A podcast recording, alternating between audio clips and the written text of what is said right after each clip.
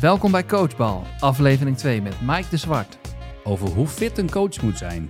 Over geld. Een dik coachsalaris, is dat gewenst? Over kids die meer aandacht nodig hebben dan dat mogelijk is. Over een coachingfilosofie en je daar dus aan vasthouden. Over spelen in de hoofdklasse en ergens spijt van hebben.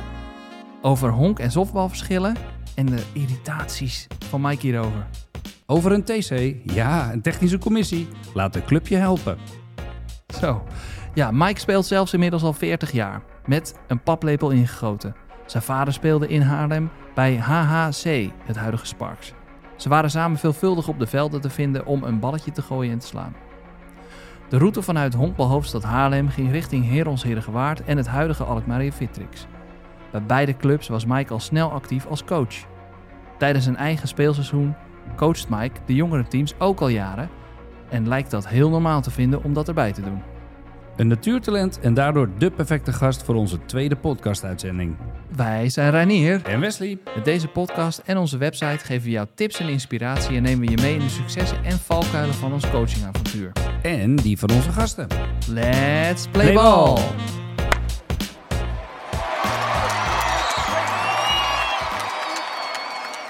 Ik was eh, een jaar of vier. Toen ik, eh, ik ben uit september. Ik ben 4 september jarig. Ja, vlak naar mij. Dus eh, ja. dus ik was nog vier. Ik werd bijna vijf dat ik begon met honkballen. Peanutbal heette destijds. Bij, eh bij Herons. Dus dat is in eh 76 of zo. 77. Zo, 77. een tijdje geleden alweer. ja, Als je zo bekijkt. Ik heb een foto van je gezien. eh, dat was ongeveer rond was je tien. leeftijd. Oh, Dat, die is uit 82, die foto die ik je had gestuurd. Ik kon er geen eentje vinden, even zo snel uit 77. nee. Die zijn er vast, maar... nou, dat is Ja, een mooie cool. foto. En eh, op socials eh, is die ook terug te zien. Staat heel groot Mike de Zwart op. Ja, Dus- Carol moest al lachen thuis. Die zegt, oh, moet je kijken, papa tegen Tommy. Zo van, kijk, Ja. papa, foto. Nou, die foto's zie je wel Tommy op trouwens. Ja, Niet een foto van hem ook. Dat normaal. het, die heeft dan een rood pakje aan. Maar je zou Ja. hem zo kunnen inkleuren en dan is hij... eh, Ja, dat viel me inderdaad meteen op, ja. ja. Maar bij de Herons. Ja, wij, mijn vader komt uit Haarlem. Daar ben ik geboren. Vlakbij het stadion in Haarlem-Noord. En eh, toen ik eh, drie of vier was... eh, verhuisden veel Haarlemmers naar, naar Heergewaard. Dat Ja. was toen een opkomende gemeente. Ja, klopt. Dus dat werden die forensen. En nou ja, daar was mijn vader er eentje van. Ja, later hele wijk in Alkmaar. Ja, Ja, mijn ouders komen ook uit Haarlem-Noord. ja. Ik ben er ook geboren. Peter ook. Ja, het is echt bizar. Eigenlijk hebben we misschien wel het hele honk- en softbalcultuurtje meegenomen naar Alkmaar Herengewaard. Ja, misschien wel, maar Herons bestond al wel. Herons bestond, Alkmaria bestond. Want die is nog ouder, denk ik, dan Herons. De honkbaltak. Ja? Ja, Ja, het dat- zal elkaar niet veel ontlopen, Nee. maar die, die zijn van diezelfde periode. Want uh, Honksobbel Alkmaria is uit 65, geloof ik. Ja, voor 4 of 65 is Alkmaria opgericht. De honksobbeltak. Of de honkbaltak eigenlijk. Daarna kwam de sobbeltak Mhm. een jaar later of twee jaar later. Maar goed, eh, ik begon bij Herons toen ik een jaar of vier was, vijf. Met, eh, met de peanutbal, heet dat. Ja. Ik weet nog hoe ze heette. Coach Margreet Bloem. Of mevrouw Bloem trouwens. Margreet verzin ik nu. Je moest het mevrouw Vroeger, Bloem zeggen. Juffrouw vroeger Bloem. kende je de voornamen niet van oude Nee. mensen. Ja. Dat was mevrouw Bloem. En die was toen al, denk ik, een jaar of zeventig of zo. en die, de, ja, de, de G, de- voor G eigenlijk. Geef een Berkel. Oh, sorry. Ja, en deze was dus nog veel ouder. En de, daar heb ik van leren sobballen. Of uh, honkballen. Of, ja. Trouwens, misschien kreeg ik het wel mee van mijn vader. hè. Dat, dat zal ook heus wel. Ja, want ik heb ook het idee dat al die, eh, als, je, als je teruggaat naar de mensen die nu aan het honken en softballen zijn en daarvoor en daarvoor, daarvoor, dat er altijd wel een soort van connectie is, behalve misschien bij mezelf, van ouders die dan weer ook dat ooit hebben gespeeld of eh, een oom. Ja. Of, eh, het is nooit vanuit, eh, zeg maar, de, zomaar ineens gaan Nee. honkballen, want dat was een sport die ik altijd eh, had bedacht. Dat, Ik, ken, er, doen ken er nooit. maar weinig. Ja. Die er totaal geen link mee hebben. Er zit wel iemand in die familie meestal. Ja, het is altijd wel ergens een, eh, een linkje te vinden. Het is ook niet zomaar even een sport waar je eigenlijk eh, denkt van... Goh, hè, het staat in de top drie van sporten van Nederland. Het meeste zal wel toch voetbal en eh, ja, misschien ook zelfs wel handbal, volleybal. Dat zal eerder misschien wel gekozen worden dan, dan honkbal. Ja, vroeger werd er gehombald op eh, voetbalvelden. Hè? Dus eh, waar, ik, waar ik vandaan kwam, dat, was, dat heette toen HHC, nu Sparks. Daar honkbalde mijn Ja. vader. op hetzelfde sportpark waar nu Spark speelt. Maar toen lag het veld even anders. Ja. Dat waren gewoon voetbalvelden. En dan na de voetbal werden er snel even wat hekken op dat, op dat veld gegooid. En neerzetten en Ja. honkballen. Zo ging dat Ja, in dat het was met, eh, met Peter vorige week precies hetzelfde verhaal. ja. Ja. Ja, ook een inderdaad. voetbalvereniging die een honkbaltak eh, op... ja. Oprichten. Dus, dus Johan Cruijff, Johan Ja. Neeskens, dat waren allemaal voetballers. overigens, de Herons eh, is van 68. Die volgens de ons website. 68. Oké. Ik ga ervan uit dat de dus zal ik website klopt, zou, jongens. Dat is ook maar die oude, ja. Nou, dat is dan wel weer leuk. Ja, dus we, ja, wellicht is het door Forense toch ontstaan. Want ik weet dat een boel oud, eh oud Heelsleden ook uit Haarlem kwamen. Familie Hof, eh, Hofke, ja, ik mag ze niet noemen, sorry. Ja, ja. Piet en, eh nou ja, Kom Piet en consorten kwamen ook uit Haarlem. Dus ik denk, eh, ik denk dat het toch, toch wel een beetje overgewaaid is. En daarna, naar de, naar de b-ball? Ja, nee, ik ben daar bijna mijn hele, hele carrière geweest joh, bij, eh, bij eh, Herons. Het- Ik ging weg toen ik 28 was. Weet je, heel Ik heb- toevallig een jaar ook. Ja, ik- Ongeveer? Ik, denk in 98. Ja. Want Tommy is uit 2001. En ik denk dat ik zo'n beetje in 98 de Ja. overstap maakte. Want ik kan me namelijk nog herinneren dat ik naar wedstrijden van Heren 1 ging kijken. En volgens mij speelde jij daar ook in. En ik was toen eh, in het regionaal, junior. Bij Alkmaar, ja. Bij, nee, bij de Herons. Nou ja, dat was, eh, toen zat de Boris van Berkel en dat Ja. soort jongens zaten toen bij de Herons. Ja, klopt. Eh, eh, Ja, daar heb ik mee gespeeld. ja. Daar heb ik mee gespeeld. Daar heb ik, in dat team zat ik. Eh, totdat ik eh, helaas... eh, mijn posities waren catcher en tweede honk. Hoe gek dat nu is dat ik dan softbalwerper ben geworden. Maar zo zie je maar. Maar ik heb toen een, een zwaar ongeluk aan mijn knie gehad. Dat ik twee speelde. Toen heb ik mijn kruisbanden ge- afgescheurd. En dat was in de wedstrijd tegen Pijdes om het kampioenschap. Hm. En degene die dat deed, is later een hele goede vriend van me geworden. Daar heb ik heel veel jaren mee gesoftbald. Dus een heel klein wereldje.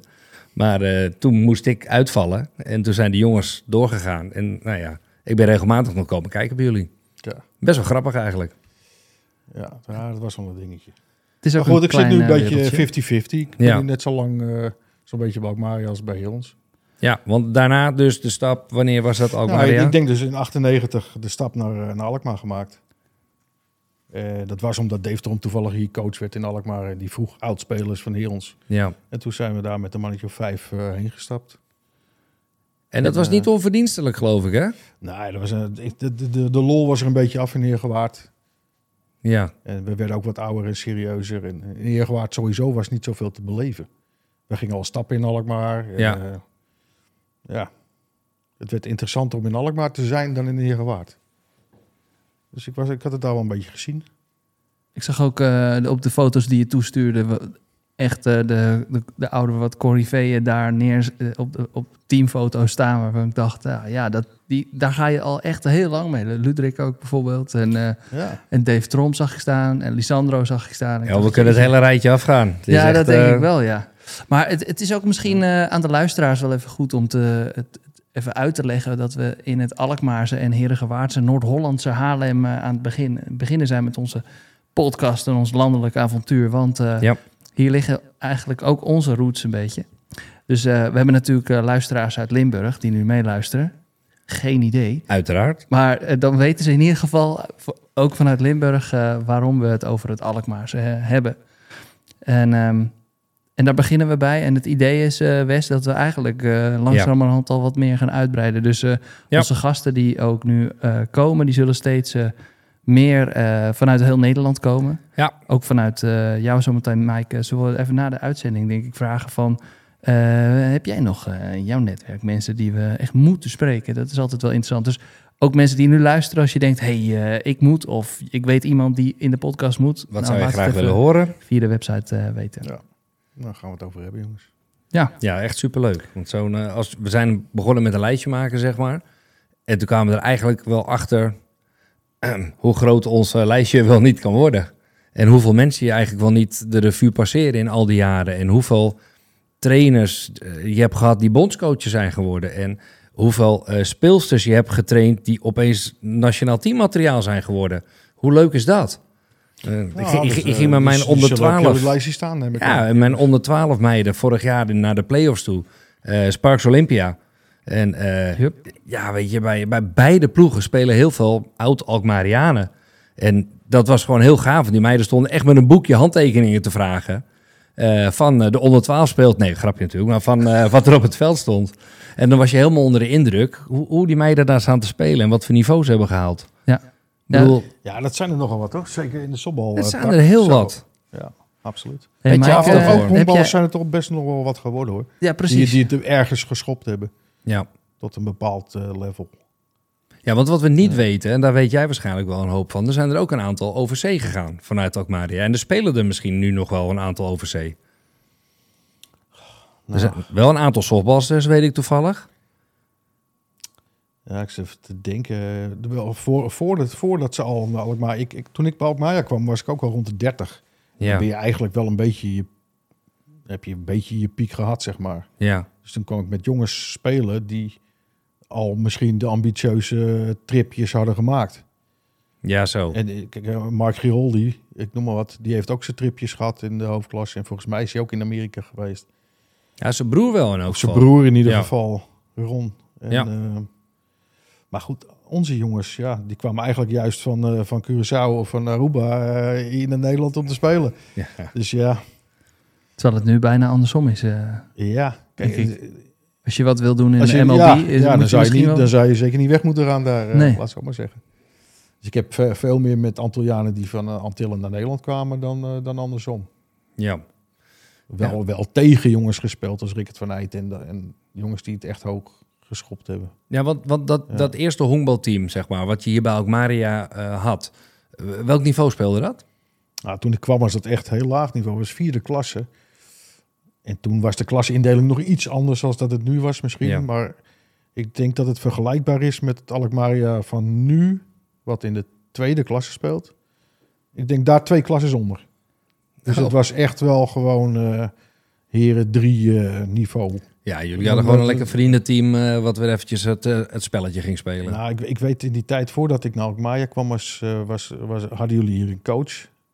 Die hield heel veel van, eh van Antilliaanse feestjes. En was heel gezellig bij Alkmaar. Dat was ook wel, ja, dat was echt wel bekend in de regio. Ja. En later kwam er een nieuwe coach, onze oude coach van, de- van de Herons. Ehm, en die pakte het wat serieuzer aan. En toen werd er ook wel wat serieuzer gehombald. En wat beter resultaat gehaald. Ja, en toen gingen we volgens mij drie jaar achter elkaar eh, werden we kampioen. Gewoon promoveren, promoveren, Ja, Naar de, promoveren. derde, naar de tweede, naar de eerste klasse. Dus dat ging als, dat ging als een tierenlier. En toen hebben we uiteindelijk nog gespeeld om een plek in de hoofdklasse. Ja. Dat was, dat was dan het top. eh, ja, dat was eigenlijk ook een beetje waar ik naartoe, eh, naartoe wilde gaan. Want, nee, dat zeg ik, dat is niet onverdienstelijk. Het clubje uit Alkmaar. Nee, nee, dat was het zeker niet. Dat waren ook echt toffe, toffe wedstrijden. Speelde je tegen de onderste vier uit de hoofdklasse. Ja, Met, met de top twee uit de klasse eronder. En dan voor vier tickets. En eh, ja, daar grepen we net naast. Maar daar hebben we toch nog wel wat leuke resultaten geboekt. en het was voor het eerst bij Alkmaar ja, dat dat gebeurde. Ja, ook dat. Ja, ook het dat. was ook voor het laatst meteen. Nou, dat is niet helemaal waar. Want we hebben, je hebt het bijna nog eh, met die samenwerking eh, afgelopen Nou, jaar. Ja, maar toen hebben we geen rol van betekenis gespeeld. Maar wel We- geprobeerd. Nee, maar we hebben met Alkmaria zelf hebben nog vijf of zes jaar in de overgangsklasse gespeeld. Ja, En ook nog wel in de top zes geëindigd. Dus we hebben, we hebben, dat is we hebben netjes. het goed voortgezet ook met de club. Absoluut. Ik denk ook dat de meeste eh, verenigingen in Nederland ook wel Alkmaria kennen. Wat jij, Rijn? Nou, eh, als wij eh, als Alkmaria door heel Nederland moeten toeren, dan eh, mag ik toch wel hopen dat die Ja. mensen daar aan de andere kant van het Ja, land het is, ons ook het is wel leuk dat Ja. je dat zegt. Want Ja. Ik was toevallig vorige week in Haarlem. Moesten we spelen met de Heren 4 bij OG. En toen sprak ik eh José. Jullie kennen José als de man die op de Haarlemse Honkbalweek altijd zijn homerunnetjes slaat. Na de wedstrijd. Dan torst hij die bal op, gaat hij slaan. Alright. En dan gaat hij zijn rondjes rennen. Ja, ja, ja. Jij weet? Ja, ik weet precies wie het is. Nou ja, die loopt ook sinds jaar en dag met een fototoestel. En die, ja, die is helemaal gek van het spelletje. Ja. Maar ik zeg, je moet, je moet even langskomen. Hij zegt, nee, hij zegt, waar, waar komen jullie vandaan? Ik zeg, nou, uit Alkmaar. Ik zeg, dat weet je toch wel? Nee, daar ben ik nog nooit geweest, zegt hij. En dat is dus iemand die in Nederland, ja, eh, die, die leeft, eh die Ja. leeft en schrijft eh honkbal. ja. En die wist dus niet van een honkbalclub eh, in Alkmaar. Nou, dat viel, dat nog viel wat, mij eh, tegen. Dat viel mij tegen. Goed, Er valt nog wat te winnen. ja, Ja. er valt zeker nog wel wat te winnen. En ik, ik kom zelf ook nog wel eens op clubs dat ik denk van... Hé, hey, daar was ik nog nooit geweest. Ja, Ook Dat heb niet, ik, eh, niet eens uit de provincie, hè? Niet eens buiten de provincie. Nee. Nee, hoe kan dat, joh? Eh, Die hebben dus al die jaren op een niveau geacteerd. Of geen niveau eigenlijk. Ja. Dat, je, dat je ze gewoon niet tegenkomt. ben je net omheen gefietst misschien? Maar er zijn nogal wat clubjes hoor, hier in de regio. Ja, ook als je al. naar het noorden gaat, zijn er nog genoeg. Ja En hoor, absoluut. Wat je wel nu heel vaak Naar ziet, het is noorden? dat... Wat dan? Nou, ja, de- je hebt de Rangers omhoog. Je hebt eh, eh, Ja, die ken ik, maar verder niks. ja, nog eentje verderop bij ehm God, Ja, Middenmeer. nou moet je het zeggen. Ja, Sullivans heb je. Oh, ja. en, eh, Rotterdam is dat. ja, wacht even. Ik heb, er, ik heb er nog wel een paar hoor. Tessel, Nee, daar moesten we toen. Nou ja, Groningen, in Assen en in. Blooks. Is dat Groningen? Blooks, ja. ja, Blooks heb je daar. Dat Jeetje. zit in Veendam. Meppel. In Veendam zit dat. Blue Meppel. Devils. Ja, zoiets, ja. Nou, zo kunnen we nog nu doorgaan. Car Caribe. Ja, er zijn er, zijn er een handje. Een handje Ja. Ja. Ja. Hey, en, en toen, Mike, toen, ehm, wanneer was het, eh, ehm, eh, het spelen eh, genoeg? Wanneer eh, Nou, dacht je van, nou, eh, dit wordt hem zo even? Ja, want we hadden een leuke, leuke jump naar die, naar die eh, overgangsklasse gemaakt met Alkmaar. Ja. Toen waren we inmiddels vier klassen hoger als dat we begonnen waren. Ja, dan heb je een beste promotie gemaakt. Ja, en toen eh, er kwamen natuurlijk ook elk jaar wel nieuwe spelers om de hoek kijken. Jonge jongens. Ja. Ik was inmiddels eh, richting de 30. En eh, Nou, ik, ik, mag ik misschien... ja, je mag ik- inbreken. Ja, oké, top. Dankjewel. Eh ik weet nog dat ik een keertje gebeld werd op een zondagochtend of ik mee eh, wilde gaan. En toen, toen speelden jullie bij Heren 1 op het eh, hoogste niveau. En of ik mijn catchspullen bij elkaar wilde pakken. En eh, dat we naar Sparta Rotterdam eh, gingen. Toen had je net een nieuwe Honda voor het eerst. Spiksplinter nieuw. Stapten we in. Glazen dak. Voor het eerst dat ik in een auto met een glazen dak zat. Nou, dan gaan we wel heel lang terug, hoor. Ja, Ja, die, kreeg, die kreeg je toen bij de club. Hè, ja was het maar zo. Ja, mooi. Dat was een SUV of zo, eh, zo achtig iets. Ja, en hij was, hij was niet splinternieuw. Het is leuk dat je dat zo zegt. Oh, maar dat was hij zeker niet. Hij was wel splinterduur, dat weet ik wel. Ja. Maar toen gingen we daar eh, heen en eh Erik-Jan Lind die gooide toen en ik mocht catchen. Maar ik vond het allemaal veel te spannend volgens mij. Het ging, ik weet niet of het goed ging, maar ik kan me niet zo... Ik ben er niet meer, niet meer teruggevraagd in ieder geval. Ja, maar ik, weet, ik weet dat je er toen eh, bij bent gevraagd. En eh, Jeroen van de A. En er waren nog een paar jongens die af en, af en toe Ja, probeerden. En eh, inderdaad, helemaal, dan rij je dus helemaal naar Sparta. En dan speelde je zaterdag en zondag. En, Ja, joh. En, dat- en de- ik denk dat dat een van mijn laatste jaren was. Want je hebt het over die Honda. Die heb ik toen, weet ik nog, speciaal gekocht om de kinderwagen achterin te zetten. Ja. nou ja. Want die had zo'n klapdeur. zo'n zo'n deur die je gewoon open kon trekken. ja in CRV waarschijnlijk. Ja, een CFV. En, eh, Sorry. Ja, ja de, de auto kennen. Ja. Ja, en eh, er zat heel veel chroom op en die was heel duur. Ja. En, ik, Ja, en daar mooi kreeg je niks voor terug als je meer ruilde. Dat weet ik ook nog. maar dat was denk ik een van mijn laatste jaren, ja. Bij Sparta. Bestaat inmiddels niet meer, Sparta. Ja, de voetbal, Ja, ze zijn- voetbaltak wel. Maar, Ja. eh, Ja, daar zijn ook de niet. meningen over verdeeld. Maar heeft ze nog bestaan? nee, Sparta, ja, of het nog, oh sorry, recht van bestaan heeft. Maar dat, dat is weer een ander verhaal. De voetbalclub. Die knippen we er wel uit. Oh. Ik heb het over de Homboltak. Ja, nee. Dit zijn juist de dingen die het goed doen op Oh, TikTok, hè? oké. Daar is Sparta, en Fe- Leuk. Sparta en Feyenoord Wat zijn zwart daar is, eh, wat zwart blijven. gefuseerd. gefuseerd. Dat zal bij de voetbal niet snel gebeuren, denk ik. Nee. Maar goed, eh, ergens houdt het op. En zeker als de jonge jongens op de deur klopt. ik weet nog dat eh, we kregen een nieuwe derde man die zich aanbouwt. En eh, ik, ik, ik had in de winter zoiets van... Ik heb eigenlijk helemaal geen zin om er nog eh, het schompers te rennen... om, om een jongen van 20 eh, bij te benen. Ja. Dat, ga ik toch niet, dat gaat me toch niet lukken. Want ik wist dat hij redelijk kon honkballen ook. eh. Hij heeft inmiddels een honkbalwinkeltje in Bloemendaal. Ah. En eh, We we moeten, zouden die persoon eens moeten vragen om sponsor te worden, misschien zelfs, van de show.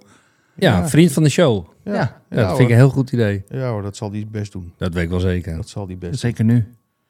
Ja. Nick, Ja, Maar die, heeft, die heeft een paar leuke jaren gehad. En, en eh, dat was een mooie, mooie opvolger, vond ik. En ik denk, weet je, Ik herken dat hoor.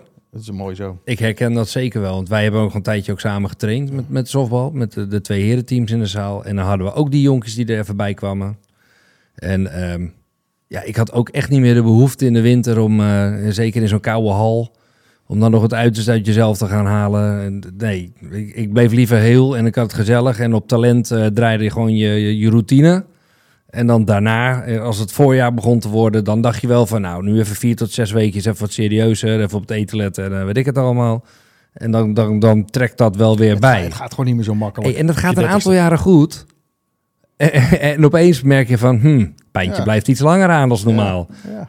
Eh, ik word 's morgens wakker, krijg mijn schoenen niet aan. Wat, wat, wat gebeurt er allemaal? Ja, je krijgt ineens drie slag. Hey, Oh, ja, die is wel herkenbaar ook, ja. Even terug naar eh, Mike, want eh, ik vroeg me eigenlijk wel af, eh, ben jij van honkbal direct doorgaan gaan naar softbal eigenlijk? Nee, ik heb eh, ge- volgens mij gelijk... Nou, gelijktijdig, weet ik niet. Ja, misschien in een van mijn laatste jaren honkbal heb ik... eh, ben ik toen bij een heren 2 softbal begonnen. Op een vrijdagavond. Even voor leuk voor de tussendoor. Ehm, ja, dat was een beetje bal op het dak 74 eh, ja, niveau. dat- Gewoon lekker ballen. Dat was het zeker. En eh, bal op het dak, dat was het letterlijk bal op het dak. Ja, ja optos en eh, Ja, met de zwaarste knuppel die je had, hengsten. Ja, dus van een laatste jaar waar je strike-out naar strike-out kreeg bij de mannen, bij de, bij de honkbal, naar een competitietje waar je elke bal over de hekken kon Ja. jagen. Ja, hij heb ook wel wat. Hè. Heb ook wel wat. En de gezelligheid was natuurlijk fantastisch. Ja, Ja. Ja, maar ik, vind- ik vind dat ook wel een, een punt hoor. Want ik bedoel, als je het spelletje eh, lief hebt, als je het virus hebt, honk, honkbalvirus, dan, dan heb je ook het softbalvirusje ergens. Dus al die oud honkballers die gewoon denken van nou, we stoppen mee, ga gewoon eens een keer softballen. Hè, en, en dat hoeft niet te zeggen dat je weer twee keer in de week moet trainen en op zaterdag en zondag moet spelen. Dat deden wij ook niet. Hè? Nee, Dat je kan gewoon één avond in de week lekker eh, anderhalf uur eh, een, een balletje gooien en slaan. En eh, niet meer uit de naad rennen naar één, maar gewoon lekker genieten van het spel. En dat had ik heel graag nog een jaartje willen doen bij Alkmaria. dan gaan we dan toch nog wel nog een keer Rijn? doen. Nou, maar dat moet ook kunnen, jongens. Want ik speelde, ik was, ik was toen een jaar of eh 32 of 35 ergens in die, die trant. Ja. En jullie zijn nu in die leeftijd, richting de 40. Zitten we inmiddels wel overheen hoor. Misschien, Nee, net, misschien nee, net eroverheen, maar jullie zijn 40. richting die leeftijden. En ik Ja. speelde ook met mannen die al richting de 70 waren. En ik honkbal nu nog steeds met jongens richting de 70. Ja. Dus wie Je zegt, kan wie zegt spelen- dat dat nooit meer zal gebeuren? Nee, je kan, ik ben er ook van overtuigd dat je altijd op je eigen niveau kan blijven spelen. Zeker weten. Altijd. En als weer het leuke van teamsport, hadden we het net voor de uitzending ook nog even over. Als je een, een vriendenteam hebt, dan hoeft dat niet te betekenen dat je allemaal even goed bent. De niveaus zijn onderling, kunnen zo verschillend zijn. En dat maakt het juist weer leuk. Precies. Kijk, je komt op een, op een punt in je leven of eh, in je carrière dat je niet meer de beste hoeft te zijn of wil zijn. Dan gaat het je meer om de gezelligheid. En dan gun je iedereen de gezelligheid. En dat is ook, ja, dat is de andere kant van sport. Ja, de, de verbroedering, de samenhorigheid, en dat herken ik wel. Dat vind Ja. tof. Misschien wel leuk om even, eh, als we het toch over vrienden hebben, even een klein Mhm. bruggetje naar eh, de plek waar we nu zitten. Daar, dat is eh Cobalt. Die eh, heeft ons weer wederom eh, hier gefaciliteerd. Eh Cobalt is eh, zeg maar vriend van de show. Bouwt websites en applicaties. Ook de website van Coachbal eh, doen ze Ja, toevallig. dank daarvoor. Heel toevallig, dankjewel. Ehm en door naar Mike. Mooi bruggetje. Ehm, even kijken hoor. Want eh, we zijn een soort van het een beetje zo een- als een ui het aan het uitbellen. En ehm, we hebben het nou dan over softbal. Maar eigenlijk eh, hebben we natuurlijk eh, hier coachbal. Het gaat over coachen ook vooral. Ja. Dus ik ben erg benieuwd of je dat toen al deed. Want ik had het wel het gevoel dat je dat altijd al een soort van autoriteit had. Of zo. Ik weet niet wat het was, maar... of ik weet niet, deed je dat bewust? Of Ja, niet? ik, Of nee, wat? ik deed het al heel vroeg. Ik, eh, ik werd eerst, eh, het eerste jaar dat ik naar Alkmaar kwam, coachte ik meteen al. Ja, dat ik ging spelen hier, Ja? dus in 98 denk ik, coachte ik ook meteen de aspirant 1 van Alkmaria. Dus voordat ik een wedstrijd had gespeeld bij hierheen, ging ik de zaaltrainingen doen. Oh, vet. En ik kwam binnen gewoon van, oh, daar is een groep aspirantjes. Jongens van 13 tot 16 of zo. En daar kwam ik de hal binnen, zo van, ik ben jullie nieuwe hoofdcoach en eh, laat maar zien wat je kan. Ja, leuk. En dat heb ik eigenlijk tot, tot heden, heb ik elk jaar wel gecoacht eigenlijk. Ja. Dus eh, ik vond het altijd al tof. Maar eh, dat was ook ehm, toevallig de zoon van mijn huidige partner. En zo ben ik ook aan mijn partner geraakt. Kijk. Want die kwam ik Liefde tegen op het veld, mensen, Ja, nou, op de eerste training eh, herinner ik me nog goed dat zij haar zoon kwam brengen. Ja. toen zagen wij elkaar voor het eerst. Echt voor het eerst. En de- toen, ja, toen sloeg er al een vonkje over. Cool. Dus dat was eigenlijk tijdens de eerste Alkmaar training. Wat een, wat een mooi verhaal. Ik ben, mijn vrouw ben ik ook tegengekomen op het Sobberveld. Omdat dat eh, het zusje van een teamgenoot was. En, het is ook waren- niet zo gek, denk ik, als je Zes- zoveel spo- spo- eh, Ja, op het Sobbelveld staat. Maar dat is ook zo. Wij waren vroeger eigenlijk altijd buiten. We waren altijd aan het sporten. Of je was aan het buiten spelen. Of whatever. We waren eigenlijk altijd weg. Ja, en ik weet niet of dat eh, mede door eh, afgelopen jaren corona allemaal een beetje... Hoe gaan we regelen dat die Ja. kids meer op het veld eh, komen? Dat is dan de, de vraag eigenlijk meteen. Dat was Ja. het kleine bruggetje. Ja, naar Mike gaan we. Die gaat dat beantwoorden. Ja, ja ik, eh, ik, ik kijk even naar mijn eigen kinderen. Of mijn eigen kind eigenlijk. Ja, die heeft toch heel wat uurtjes op dat veld rondgebracht. Maar die had dan ook wel zijn vriendjes. En ja, ik zie dat toch ook nog om me heen nu ook weer gebeuren met een, met een aantal van die, van die binkies. Ja, Die met een, in een groepje toch veelvuldig, want ik ben heel veel op de club. Dus ik, en ik zie hun ook heel veel. Dus die hebben datzelfde virusje toch wel. Je gaat mee met je ouders en, en dan beland je op zo'n club. Alleen het zijn veel minder ouders die hun kinderen meenemen naar de club als vroeger, denk ik. Ik denk dat, dat het daar toch een beetje in zit. Het is natuurlijk per club eh, verschillend.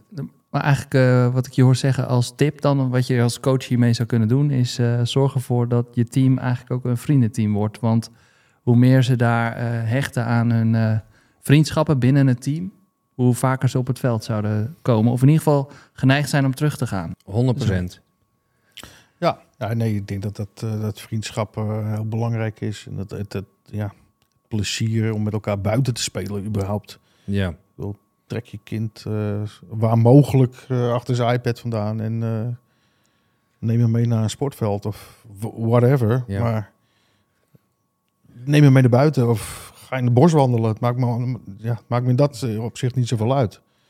Maar ik, ik ben blij dat ik, dat, dat ik mijn kind dat wel heb kunnen geven. Ondanks dat hij ook heel veel achter een computer zat hoor. eh, in, in- ja, Ja, dat, dat kwam, toen, eh, kwam toen in. En wij hebben de luxe gehad eh, dat het in Ja. onze jeugd niet bestond, misschien. Nou ja, spectrum zit ik. ja, ja ik, ik, ik weet Oh, wel... Commodore. Ja, Ja. Commodore. Ja, maar die, die, die kwam uit toen ik eh 12 was. Ik noem maar wat. Ja. Ik weet het niet. Jij weet het vast beter dan ik. In 84. Ja, dat zou kunnen. Mijn, mijn vader die was daar ik altijd had ook van, een Commodore 64. fanatiek. Ja. Ja. Cool, cool. Maar goed, daar kon je er nog geen uren mee vermaken hoor. Met een Commodore Nee. 64, zal ik je vertellen. Pong. Nou, over vermaken op de club. eh, als ik weer eventjes ventileer naar ons eh, thuisclubje. Eh, we hebben een slagkooi ter beschikking waar eigenlijk altijd iedereen gewoon zo in kan stappen. Dus als de meiden niks te doen hebben of ik speel, wij, wij speelden, dan waren die vaak in het tunneltje of een coachje aan het, aan het slaan. Eh, daarnaast hebben we als ook Maria een heel klein speeltuintje gefaciliteerd met een glijbaantje, zandbakkie.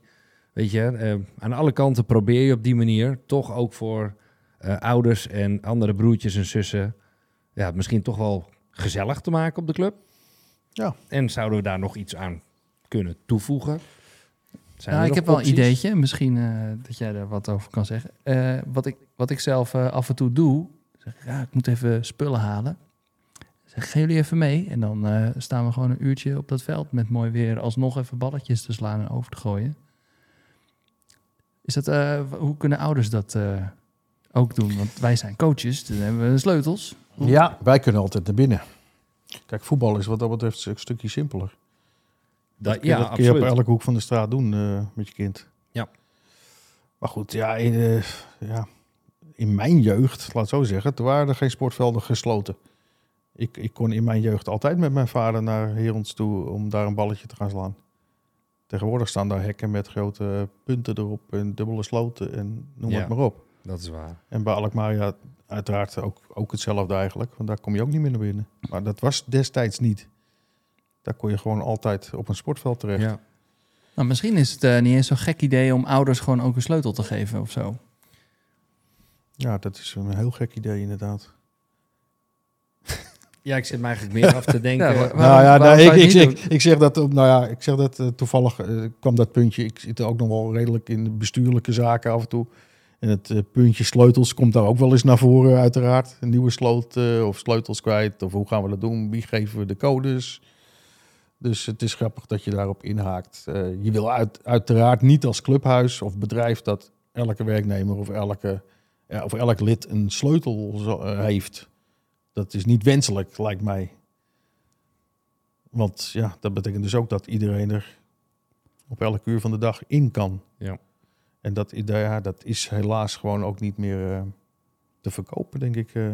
er gebeuren te veel slechte dingen. Ik heb afgelopen eh, week of twee weken heb ik ook drie keer de alarmcentrale aan de lijn gehad. En niet omdat het drie keer werd ingebroken, maar dat weet je niet van tevoren. Maar er was wel iets aan de hand. Oh joh. En nou zijn er ook allemaal weer theorieën over waarom bij Alkmaar het alarm af en toe afgaat.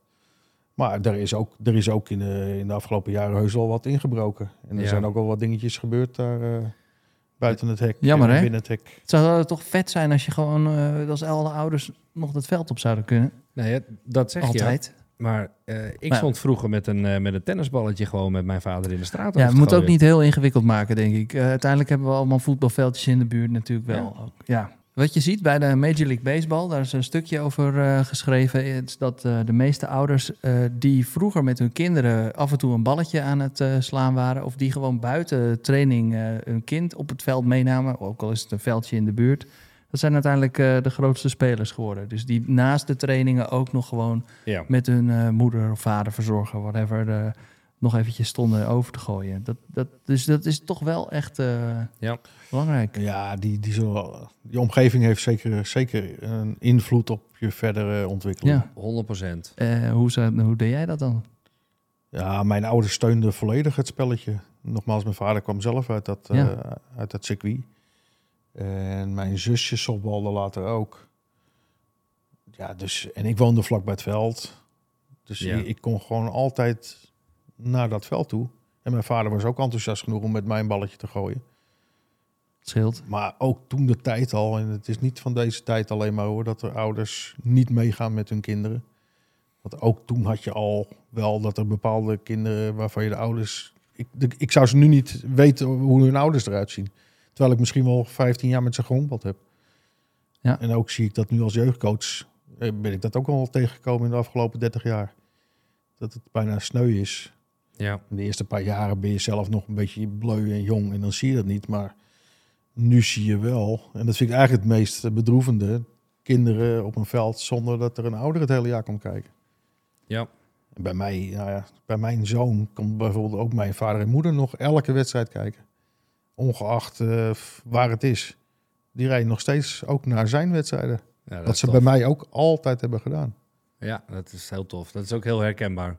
Ja, Mijn nou ja, jouw ouders zijn zeker die- ook zo. Al die Nederlands teamtoernooien, et cetera, waren ze altijd van de partij. Ja.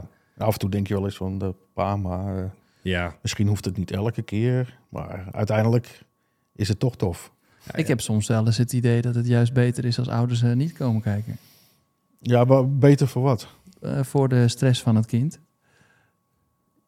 Ja, dat is, eh, dat is de andere kant. Ja, weer. en toch denk ik dat dat kind later zal zeggen... ik ben toch blij dat mijn ouders eh, ook bij mijn sport kwamen kijken... in plaats van dat ze niet kwamen kijken. Ja. Dan maar een beetje stress of zo.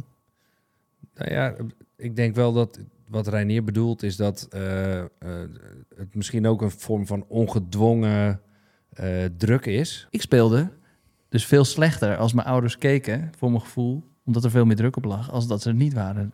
Maar ik, ik vond het wel fantastisch als ze er waren. Ik, Maar dat is wel zo, lag er hè. bij jou druk op... omdat ze maar eens in de zoveel tijd kwamen Misschien kijken? is dat het. Ja, Kijk, mijn dat- ouders waren er gewoon altijd. Ja. Ja. Dus ja, die waren meubilair voor mij op dat Ja. veld. eh, En, Bewijs eh, van. ik- eh, credits aan mijn ouders hoor, maar ik denk dat ze één op de drie keer kwamen kijken of zo. Weet je.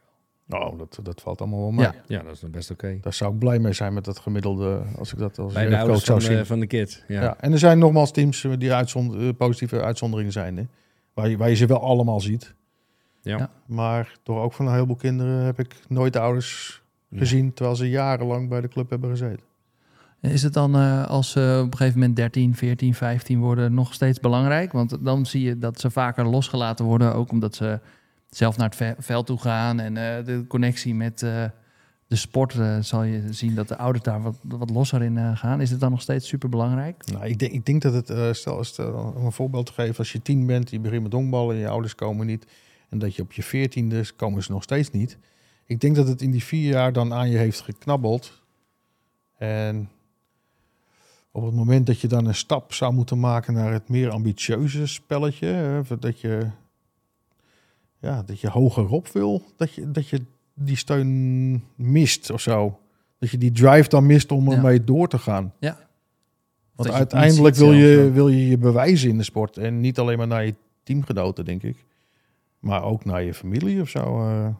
Ik denk, denk stap 1 is inderdaad dat jij het voor je thuisfront eh wilt doen. ja, voor jezelf misschien Eerst voor in eerste instantie. uiteraard. Maar Ja. je wil je vader trots maken. Ik noem maar wat. Tuurlijk. van pa, ik heb een homer geslagen of zo. Kom je... Ja, ja, Ja, tuurlijk, ik heb het gezien. Maar ja, deze jongens slaan een homer en, en hun ouders weten van niks. ja, en dan zie je zo'n kind stralen en dan vervolgens gaat hij thuis aan de keukentafel vertellen, hoe was je dag? Ja pap, ik heb een homo geslagen. Wat is een homer? Goed zo hoor. Ja, wat is een homer Ja, even stil, want Ajax voetbalt. Ja, Nou ja, maar ik noem het dus misschien gechargeerd allemaal. Maar Nee, ik weet zeker dat dit, eh, dat dit speelt bij Ja. een heleboel kinderen. Ja. En eh, ja, normaal als 14-jarigen hebben het zeker, zeker zo hard nodig als een 10-jarige. oh, ze zitten in een hele andere fase van, eh, van hun, Ja. eh, hun leven, zeg maar. Ik heb met name die leeftijden gecoacht. En dan ja. worden kinderen best wel hard. Dat, ja, mocht jij slecht spelen, dan wordt het je ook gezegd, bij wijze van op die leeftijd, in, in de wat kwalitatievere teams. Ja. En dan, eh, ja, dan zit je dus ook op een bank misschien, als je als coach eh, denkt van, nou, hij lijkt wel niet zo gemotiveerd. En, eh, ja, zijn ouders, zijn ouders zijn er toch niet. Ook dat herken ik. Niet dat ik zelf dat opper, want ik ben eigenlijk heb ik me altijd vastgehouden aan kleine teams en iedereen speelt. Ja. Zo heb ik er altijd in gestaan. En, En heb, ik ook, al, heb ik ook altijd gedaan. En nagelang het seizoen vordert, kan je dan je aanpassingen maken om naar een sterkste negen te gaan. Ja, Of- misschien op positioneel dat had, ik, had daar hoe, wel. hoe het standaard gaat. ja, eh, maar toch, Wes. Hoe was jij daarin? ik, ik was eigenlijk meer van. eh, ik vond het leuker om te winnen met de nou, tussen haakjes mindere spelers. dan met de goede spelers. Teamprestatie dus. Ja, ik vond dat veel Ja. interessanter. Ja. Ik had wel kleine jongetjes waar je bij wijze van spreken geen cent voor gaf. Ja, die in de kampioenswedstrijden st- Sterren van de Hemel speelde en eigenlijk de man van de wedstrijd werd. Ja. Dat vond ik een veel, veel toffer verhaal. En deed me veel meer goed. En die jongen ook u- uiteindelijk. Dan je automatische sterspeler de homer laten slaan. Ja, dat, weet je, dat, ja. ja ik dat, voor voor, dat vond ik ook als coach helemaal niet uitdagend.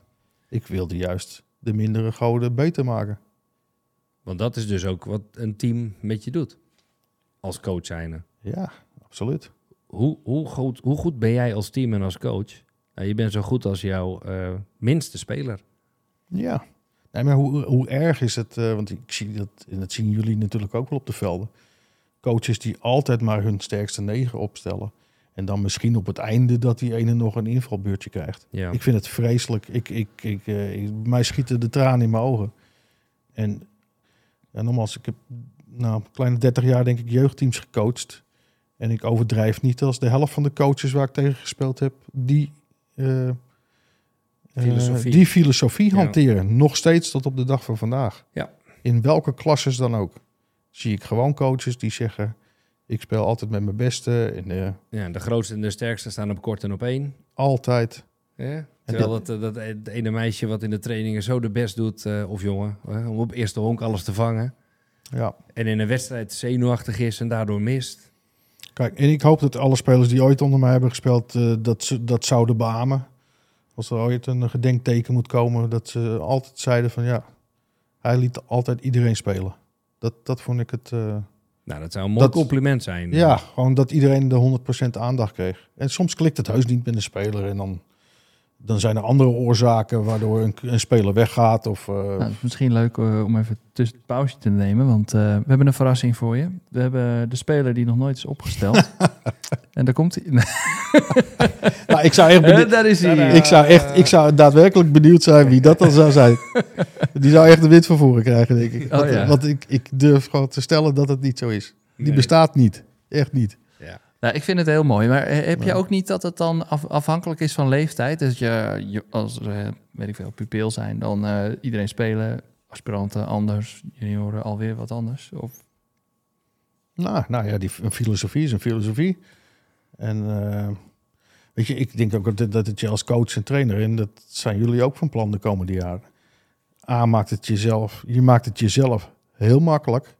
door die filosofie te hanteren. Ik zou iedere coach dat, dat aanraden. A, is het mooier voor jezelf uiteindelijk als je resultaten boekt dat je het op die manier hebt gedaan. Ja.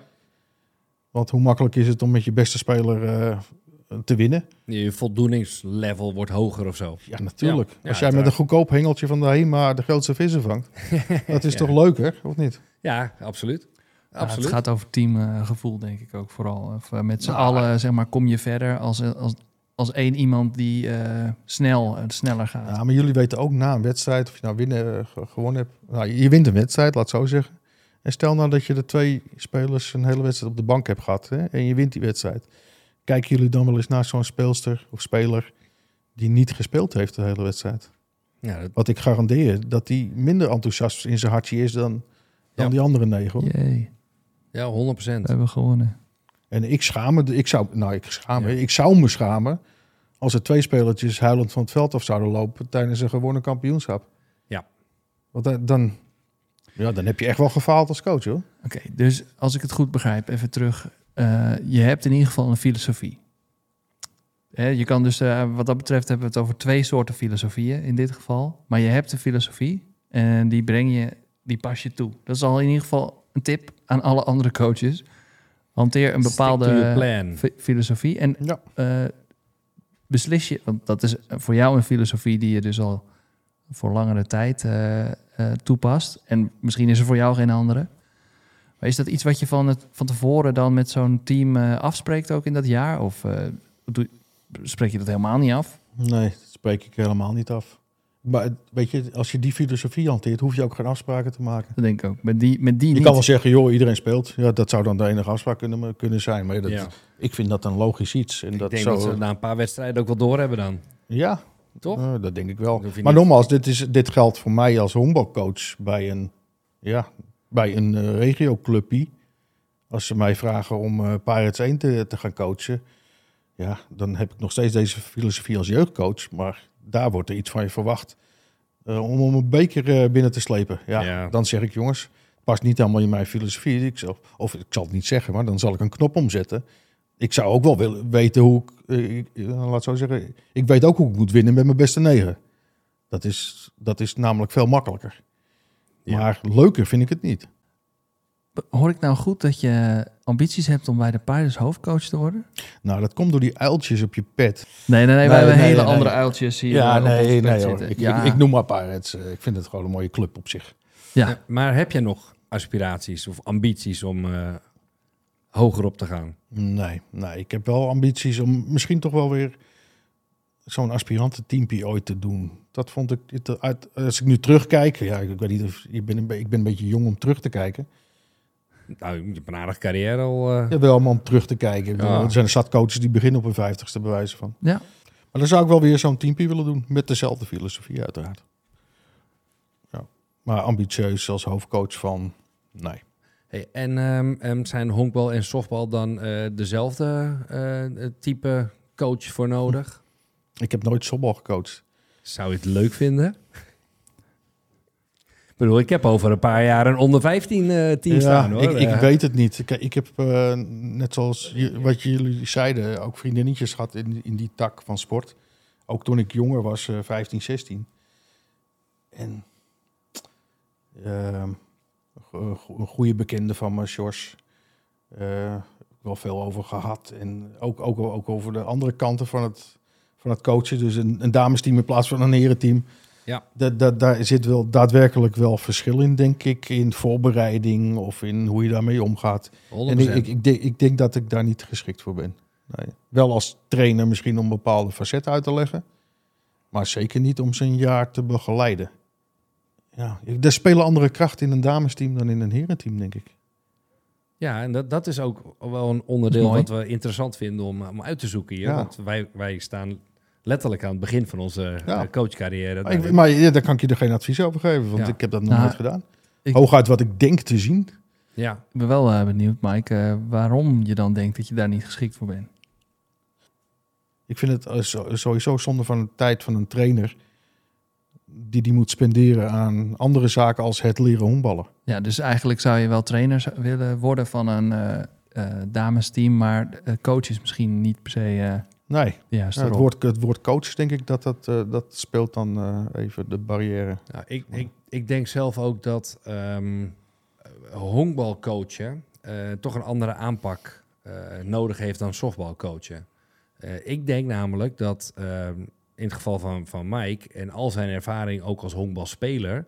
eh, het, het van je honk afgaan, het uitlokken van situaties, welke tekens, wanneer doe ik hit and run, squeeze, et cetera, is toch wel iets anders als bij, bij honkbal en softbal. En als jouw hele leven lang al gehonkbald eh, he- heb, zeg maar, dan denk ik dat dat moeilijk te implementeren is naar softbal toe. En ik denk dat het andersom van een softbalcoach, die dus hele leven lang een softbalteam heeft gedaan, als die zeg maar eh, bij honkbal neer te zetten om bekers te gaan winnen, ik denk dat dat ook heel erg moeilijk is. Maar ik, denk dat je sowieso gelijk hebt dat het een ander spelletje is. Ik heb dat, nou ja, we hebben samen dat 100%. spelletje zoveel Ja. jaren gespeeld Ja, ja. en eh, allebei geproefd. Ja. En, en veel gezien. En ja, ik zeg wel eens, eh gechargeerd is het een heel, totaal ander spelletje. Ja, daar ben ik het mee. Een heleboel situaties worden zo anders opgelost in, in beide takken. Ja. Dat ik denk van, nou, waarom doen ze dit in godsnaam? Dat lijkt er helemaal nergens op. Maar dat, en dan blijkt dat standaard te zijn in de hoogste softbalcompetities. Ja, klopt. En eh, ik, ik, ik- ja, ik irriteer me er bijna aan, aan sommige dingen. Zal ik, zal ik eens een voorbeeldje geven waar ik me nou Ja. enorm aan irriteer bij softbal? Graag. Is dat tijdens de innings, of tussen de innings, hè, dan gooit zo'n eerste honkman, of eerste honkvrouw, gooit ballen naar de infielders. Ja. En jij bent een pitcher, Wes. En, Ja. Ik, ik zou, en jij bent een catcher, eh, Rijn. Ja. Dus ik zou heel graag van jullie willen weten... irriteert het jullie nou niet enorm... dat die derde honkman of vrouw... tussen jullie in de ballen ontvangt... op de foutlijn ongeveer. En ik zie dat dus in Nederlands teamniveau Ja. zie ik dat gebeuren. En elke keer als ik dat zie... dan, ja, dan krijg ik gewoon hartkloppingen van. Dan denk ik, A, waarom? En B, het is toch vreselijk irritant. Ik zou als catcher of pitcher ontploffen. Ik zou echt zeggen, jongens, ik, ik zou die bal tegenhouden bijvoorbeeld de eerste keer. En dan zou ik hem zo een eind over die backstop heen gooien. Die Dat bal ik- dat af ik zeg- toe, eh, aardig dichtbij, ja. Eind van de wedstrijd eh, zie ik je weer, maar ik, ik wil dit echt nooit meer. Echt. Ik word het nu, je merkt bijna, ik waarschijnlijk word ik rood op de camera. Dat het, het, het irriteert me nu al. En waarom dan? Want Ik snap hem. Ja, ik, mag dat- toch best een beetje cross... eh, Ja, ik, het, het- ik zie dat doel totaal niet. Waarom? Want je, field van een positie af die je niet in de wedstrijd speelt. Je staat gewoon bij, voor de dugout te fielden daar. En je gooit hem steeds voor, voor, het, voor het beeld van die werper en die catcher langs. Ja.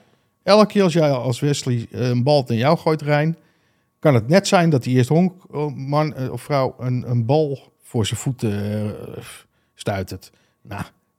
Sorry. Als er iemand is in de komende podcast die me dat kan uitleggen... en wie dat verzonnen heeft... Ik vind het een goeie. Ik eh, stel ook voor dat wij hem niet beantwoorden. Nee. Nee, waar, waar kunnen ze dat doen, Rijn? Nou ja, we kunnen op de website natuurlijk gewoon eh, reacties ontvangen op Ja. coachbal.nl. Eh, als je hierop in wil gaan, heel graag. En als je uitgenodigd wil worden als spreker in de podcast, dan moet je natuurlijk ook gewoon even een berichtje achterlaten. Ik ben ook wel nieuwsgierig eh, naar het juiste antwoord. Ik ook. Want dat is nooit geweest, hè, zo. Nee. Dat, eh, dat is ontstaan in de afgelopen, ik noem maar wat, Ja. vijf tot tien jaar, ik weet ik niet.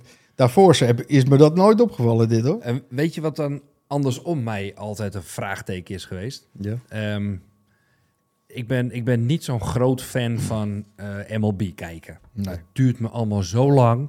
Het is echt inning na inning. En daar staat er zo'n zo'n zo'n grote sportman, zo'n atleet, staat daar aan slag. Iemand die erop zit, zeg maar. Ja, en die neemt gewoon eventjes één of twee slagballen. Ik bedoel, in die 20 jaar softbal dat ik hoofdklasse heb gespeeld, ik kan je één ding vertellen. De eerste, de beste slagbal die door de pijp komt, die moet je pakken. Ja, ja. Want je krijgt daarna niks meer. En dat, dat is het verschil met honkbal, waar ik weer helemaal niks van snap. Maar weet je, ik dat, zou dus dat een wordt... hele slechte slagman zijn. Want ik zou dus echt gewoon blind op de eerste de beste rechterbal volle pijp gaan. Ja, En eh, als ik honkbal zit te kijken, het pop, strike. Oké. ja. Maar weet je, Strike. eh, wat, wat, ik wat, er- ik erop kan zeggen is, ik, dat, dat iedereen wordt daar anders door, eh, is daar anders in opgevoed, denk ik, in de sporten. Afhankelijk van wie je coach misschien in de jeugd was. Ik had ook een coach die zei, neem die eerste bal. Ja. Die mochten we nou eigenlijk nooit slaan. Nu, nu ik eh, veel verder ben in het leven, eh, geef ik geef ik mijn slagmensen nooit opdracht om die eerste bal niet te slaan. Ze mogen van mij op alles slaan. Behalve als ik toevallig eh, zeg, je mag deze niet slaan. Ja, Ja, dat, dat zou Ja, kunnen in een bepaalde situatie. Maar ik dwing slagmensen eigenlijk van, ga alsjeblieft lekker swingen.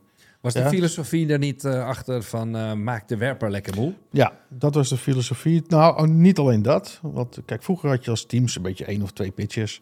En hoe meer ballen je ze liet gooien, hoe eerder je naar die tweede pitcher kwam. In de MLB, wat West terecht zegt, hebben ze ver- 24 pitchers zitten in zo'n hok. Ja.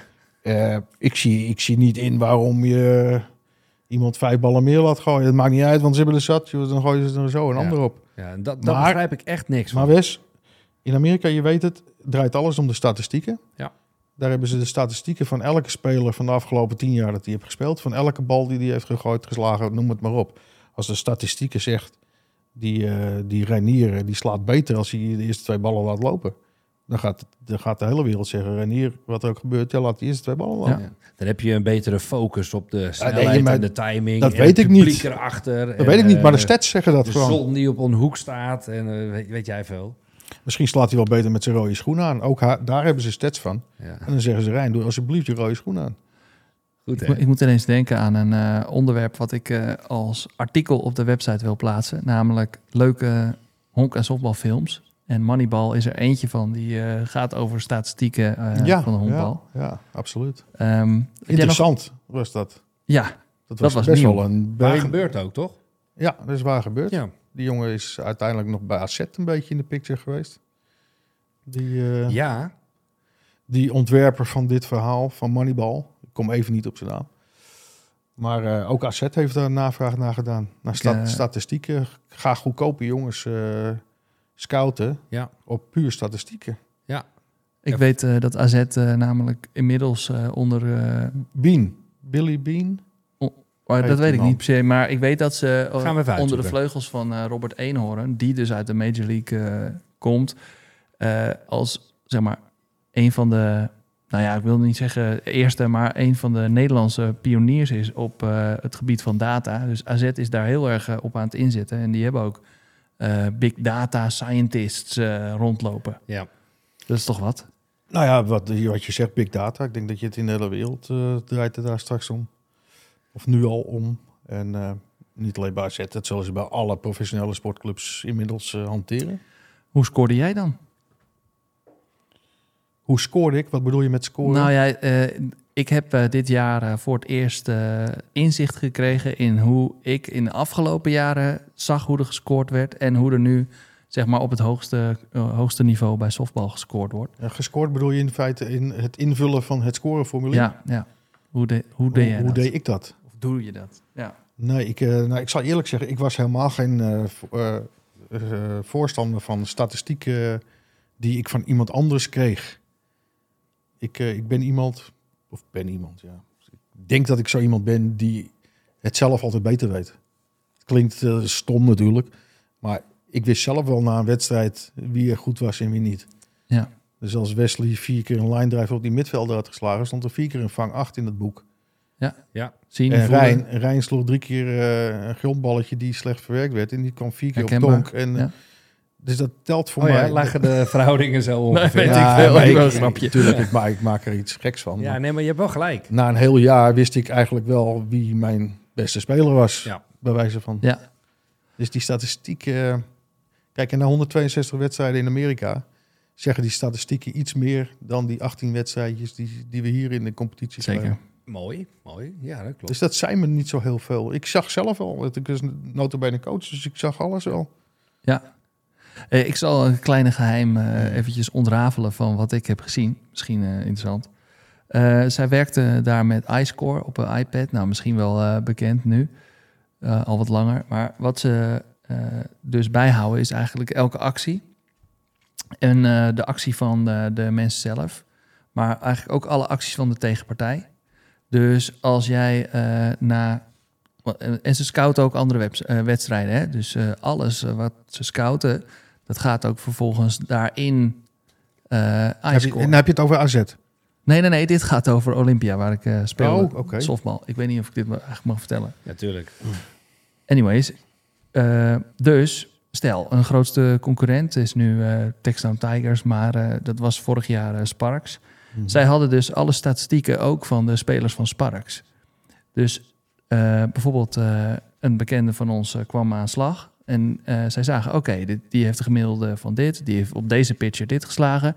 En zij slaat eigenlijk nooit rechtsveld. Nooit daar. Nooit daar. Eigenlijk, ze heeft al de laatste wedstrijden heeft ze 30 keer op die plek. En dan kan je dus ook aangeven waar de bal precies komt. Ja. Dus er is een soort van, soort van heatmap van waar die bal nu terecht gaat komen en wat de kans is. En eigenlijk zie je van, oh, ik moet eigenlijk eh, even een andere pitcher eh, nu wisselen. En dat is eigenlijk de, een, een, een van de grote trucken en het Ja. inzicht in die tegenstander. Niet eens in je eigen team, maar in de tegenstander. Dat, dat dacht ik, oh, wat? Oké, ze weten gewoon alles van de anderen. Ja, maar doet- wat, wat voor waarde hecht je aan die statistieken? Want, want hoe lang is dat bijgehouden? Hoe lang zijn jouw resultaten Ik bijgehouden? denk, ik denk dat het eh, anderhalf jaar, twee jaar eh, aan Ja, data in, is. in, in die anderhalf jaar heb jij, eh, heb jij zo'n werper misschien eh, drie keer gezien. Ja, bij de dames Eén bepaalde werper. Misschien nou, vijf keer. Nou, laten Ja. we zeggen vijf keer. En heb jij toevallig eh, vier keer op de eerste bal geslagen. En één keer eh, ben je volle bak gegaan en eh, weet ik wat, kreeg je een geraakt werper. Wat heb je aan die statistieken, Rijn? Ja, ik, ik zeg ook Helemaal- he- heel weinig. Helemaal niks. Het enige waar die statistieken, wat mij betreft, op deze manier echt een voordeel hebben, is als je bijvoorbeeld op- op nationaal teamniveau gaat kijken. Dan heb je voor elk nationaal team vaak drie, vier werpers die daar zes, zeven jaar eh, spelen. Eh, of zes, zeven jaar eh, dienst eh, voor doen. Ja, als je die EK's of al die internationale toernooien, als je die allemaal mapt, wat Mhm. dus Denemarken bijvoorbeeld heel goed deed bij, met heren softbal. Die hadden echt inderdaad inzichten van, van Tsjechië en van ons, et cetera. Welke slagmensen er stonden, wat ze moesten gooien. En, en de tekens kwamen ook vanuit de dugout. Ja. Maar dat was ook wel weer een bepaalde visie. En daar, daar kom je weer op, eh, hoe benader je het spelletje? Ik geloof erin dat jij heel erg op je intuïtie coacht. Hè? En heel erg kijkt van wat heb ik, wat, hoe, hoe heeft die getraind? Hoe zit eh, Jantje Pietje vandaag in zijn vel? Ja. En op basis daarvan ga je handelen. En dat komt totaal niet overeen met ja, het bijna klinische coachen van wat, wat Nou, Wes, met ik, name uit Nieuw-Zeeland ik zag je een mooi voorbeeld geven. Je volgt de MLB niet, maar die zijn nu begonnen aan de playoffs. En eh, er is ook een wildcard. Dus de, de, je, bent, je hebt net niet rechtstreeks geplaatst, maar je hebt nog één kansje. Een, eh, een, een, een- hoe noem je dat? Side door bij Ja, bij backdoor. backdoor. Backdoor. Bij uh, Sommige hoor je dat vaak. Ja. Backdoor. Ja, En Bij dan eh, ook. nou, er was er een team uit San Diego. En eh, die hadden twee hele grote jongens. Die eigenlijk heel slecht presteerden de laatste twee maanden. Geen coach zou ze opstellen qua stats. Ja? Qua statistieken zou je ze niet opstellen. Ja. Deze coach deed het toch. In een wildcard game. Hè? Dus dat is alles of niks. ja. Hij stelt ze alle twee op. Ze slaan alle twee run. Ja, Wie is er gek? ja nee. Volledig tegen de statistieken, maar puur intuïtief dacht hij, en dat, heb je, dat moet hij dus voor National Television uitleggen, Ja. waarom hij die twee knakkers opstelt, Nee, twee, twee jongens opstelt. Ja, Leg het maar even uit. Dat is voor de wedstrijd, hè? omdat hij erin geloofde. Niet na de wedstrijd, hè? Nee. Uitleggen. Voor de wedstrijd uitleggen. Na de wedstrijd is lekker makkelijk. Ja. En ze slaan alle twee een home run. En de wedstrijden daarna, want ze zijn dus doorgegaan, ze hebben ook gewonnen. Ja. Slaan ze, staan ze nog steeds in die line-up en slaan ze dus nog steeds erg goed. ja, dat is dus ook een taak van een coach. Dus ja, ook de, er spelen meer krachten dan statistieken. Ik, ik, ben, ik ben er geen voorstander van. ehm. ik, ik snap het principe. En uiteindelijk, eh, statistieken eh, spreken toch een beetje waarheid. Maar het blijft toch de vorm van de dag. En Kan je mij dan uitleggen waarom je aan de ene kant zegt dat je, ook in het voorgesprek zei dat, eh, ik ben, eh, pas op, ik ben soms nogal zwart-wit. En dat je aan de, de- hè, dus ook als we Mhm. het hebben over eh, dames teams coachen, ik voel dan van, ja, ik- misschien ben ik daar niet de juiste persoon voor, voor- want ik ben van een beetje zwart-wit. En het, de- daar heb je heel te maken met heel veel nuances. En dat je nu het hebt over, zeg maar, harde cijfers en dat je zegt, ja, nee, maar dan volg ik mijn intuïtie. Dat is niet zwart-wit. Wat, waar, hoe, hoe kan dat dan, dat verschil? ja, misschien is het zwart-wit. Be- Bedoel ik meer mee dat ik een bepaalde filosofie heb. Of een bepaald idee waar ik dan waar je me slecht vanaf kan krijgen. En niet zozeer wat, je, wat jij nu eh, bedoelt. Nou ja, dat je van harde data houdt of zo. Dat, dat heeft daar niks mee te maken, denk ik. Maar weet je, ik herinner me vroeger, en dan kwam ik na een wedstrijd eh, van 1, was nog in Herons tijd. En eh, ik wilde altijd dat scoreblok mee hebben. Ik kreeg altijd, eh, ik weet niet of mijn vader destijds een functie had, maar ik had altijd dat scoreblok. En dan ging ik, eh, kwam ik thuis en ging ik even naar de wc. Dan ging ik dat hele scoreblok, Ging mij uitpluizen, hè? ging ik hem uitpluizen. Ging gewoon precies in de wist. En dan voelde ik die hele wedstrijd. Nou, Ja. tot- Totdat er iemand op de deur klopte van, nou, hallo, is niet tijd dat je eraf gaat. je kent dat wel. Maar goed, ik las die wedstrijden helemaal terug. Dat vond ik, ik vond het wel heel interessant, dat scoren. Eh, hoe dat, ja, dat je er een hele wedstrijd uit terug kan lezen. Oh, Ik ik, heb, weet het al. Mijn eh, vader moest een verhaaltje voor de krant schrijven. Zo. Daarom had hij dat blok dan mee. Oh, En dan kon hij aan de hand daarvan... kon je een beetje dat verhaaltje natuurlijk eh, aan de krant kwijt. Ik, het is wel grappig dat je dat met dat scoreblok zegt. Ik had een coach, die kwam op de training met het scoreblok aan. Hm. En dan dacht jij dat je een hele goede wedstrijd had gespeeld, bijvoorbeeld. Had je er ook tussen zitten. En anderen die zeggen van, joh, ik heb op mij slecht gespeeld. En dan was hij echt met een merkstift, gewoon een, eh, of zo'n arceerstift, zeg maar, een groene en een, eh, en een rode. Dan omcirkelde je de groene goede punten, zowel aanval als verdedigend. En met die roze stift zette hij een kruisje. Hm. En dan zei hij van, nou oké, hier kunnen we dus heel duidelijk twee of drie mooie ja, energiepieken of spelmomenten uithalen. En die gaan we trainen. Ja, nou, die, Dus die, deed- snap ik. Die deed geen vaste routine. Dat was bij de Herons ook trouwens. Die deed niet aan vaste routines. Ja, het standaard eh, binnenveldje, de standaard relay naar thuis. Maar die keek per wedstrijd wat ging er goed en wat ging er fout. En wat er dan fout ging, gingen we trainen. En wat er dan goed ging, dat werd even benoemd. Hè, dat Ja. Jullie zo, en dat was dan genoeg. Of dat was het spelletje. Want dat zit dan in je systeem en Ja. dat voer je dan uit. Ja, nee, maar die, die voel ik helemaal. En, en zo zat ik er ook altijd in, weet ik nog, in de jeugdteams. Dat ging dan vaak met de insluiten bijvoorbeeld. Hè. Dat gaat Ja. vaak fout bij jeugdteams. Nou, daar werd bij mij op gehamerd. Nou, dat Ja. zie je niet in standaard trainingen eigenlijk. Ja, eens in de, eens in de vier maanden dat je een keer insluiting. Maar bij jeugdteams is dat natuurlijk... s- eh, Speelt zo'n situatie elke wedstrijd. ja. Is het verdomd handig om dat te trainen. Dus eh, dat soort situaties train ik heel veel. Gewoon een beetje slimheid of zo van de spelers kweken.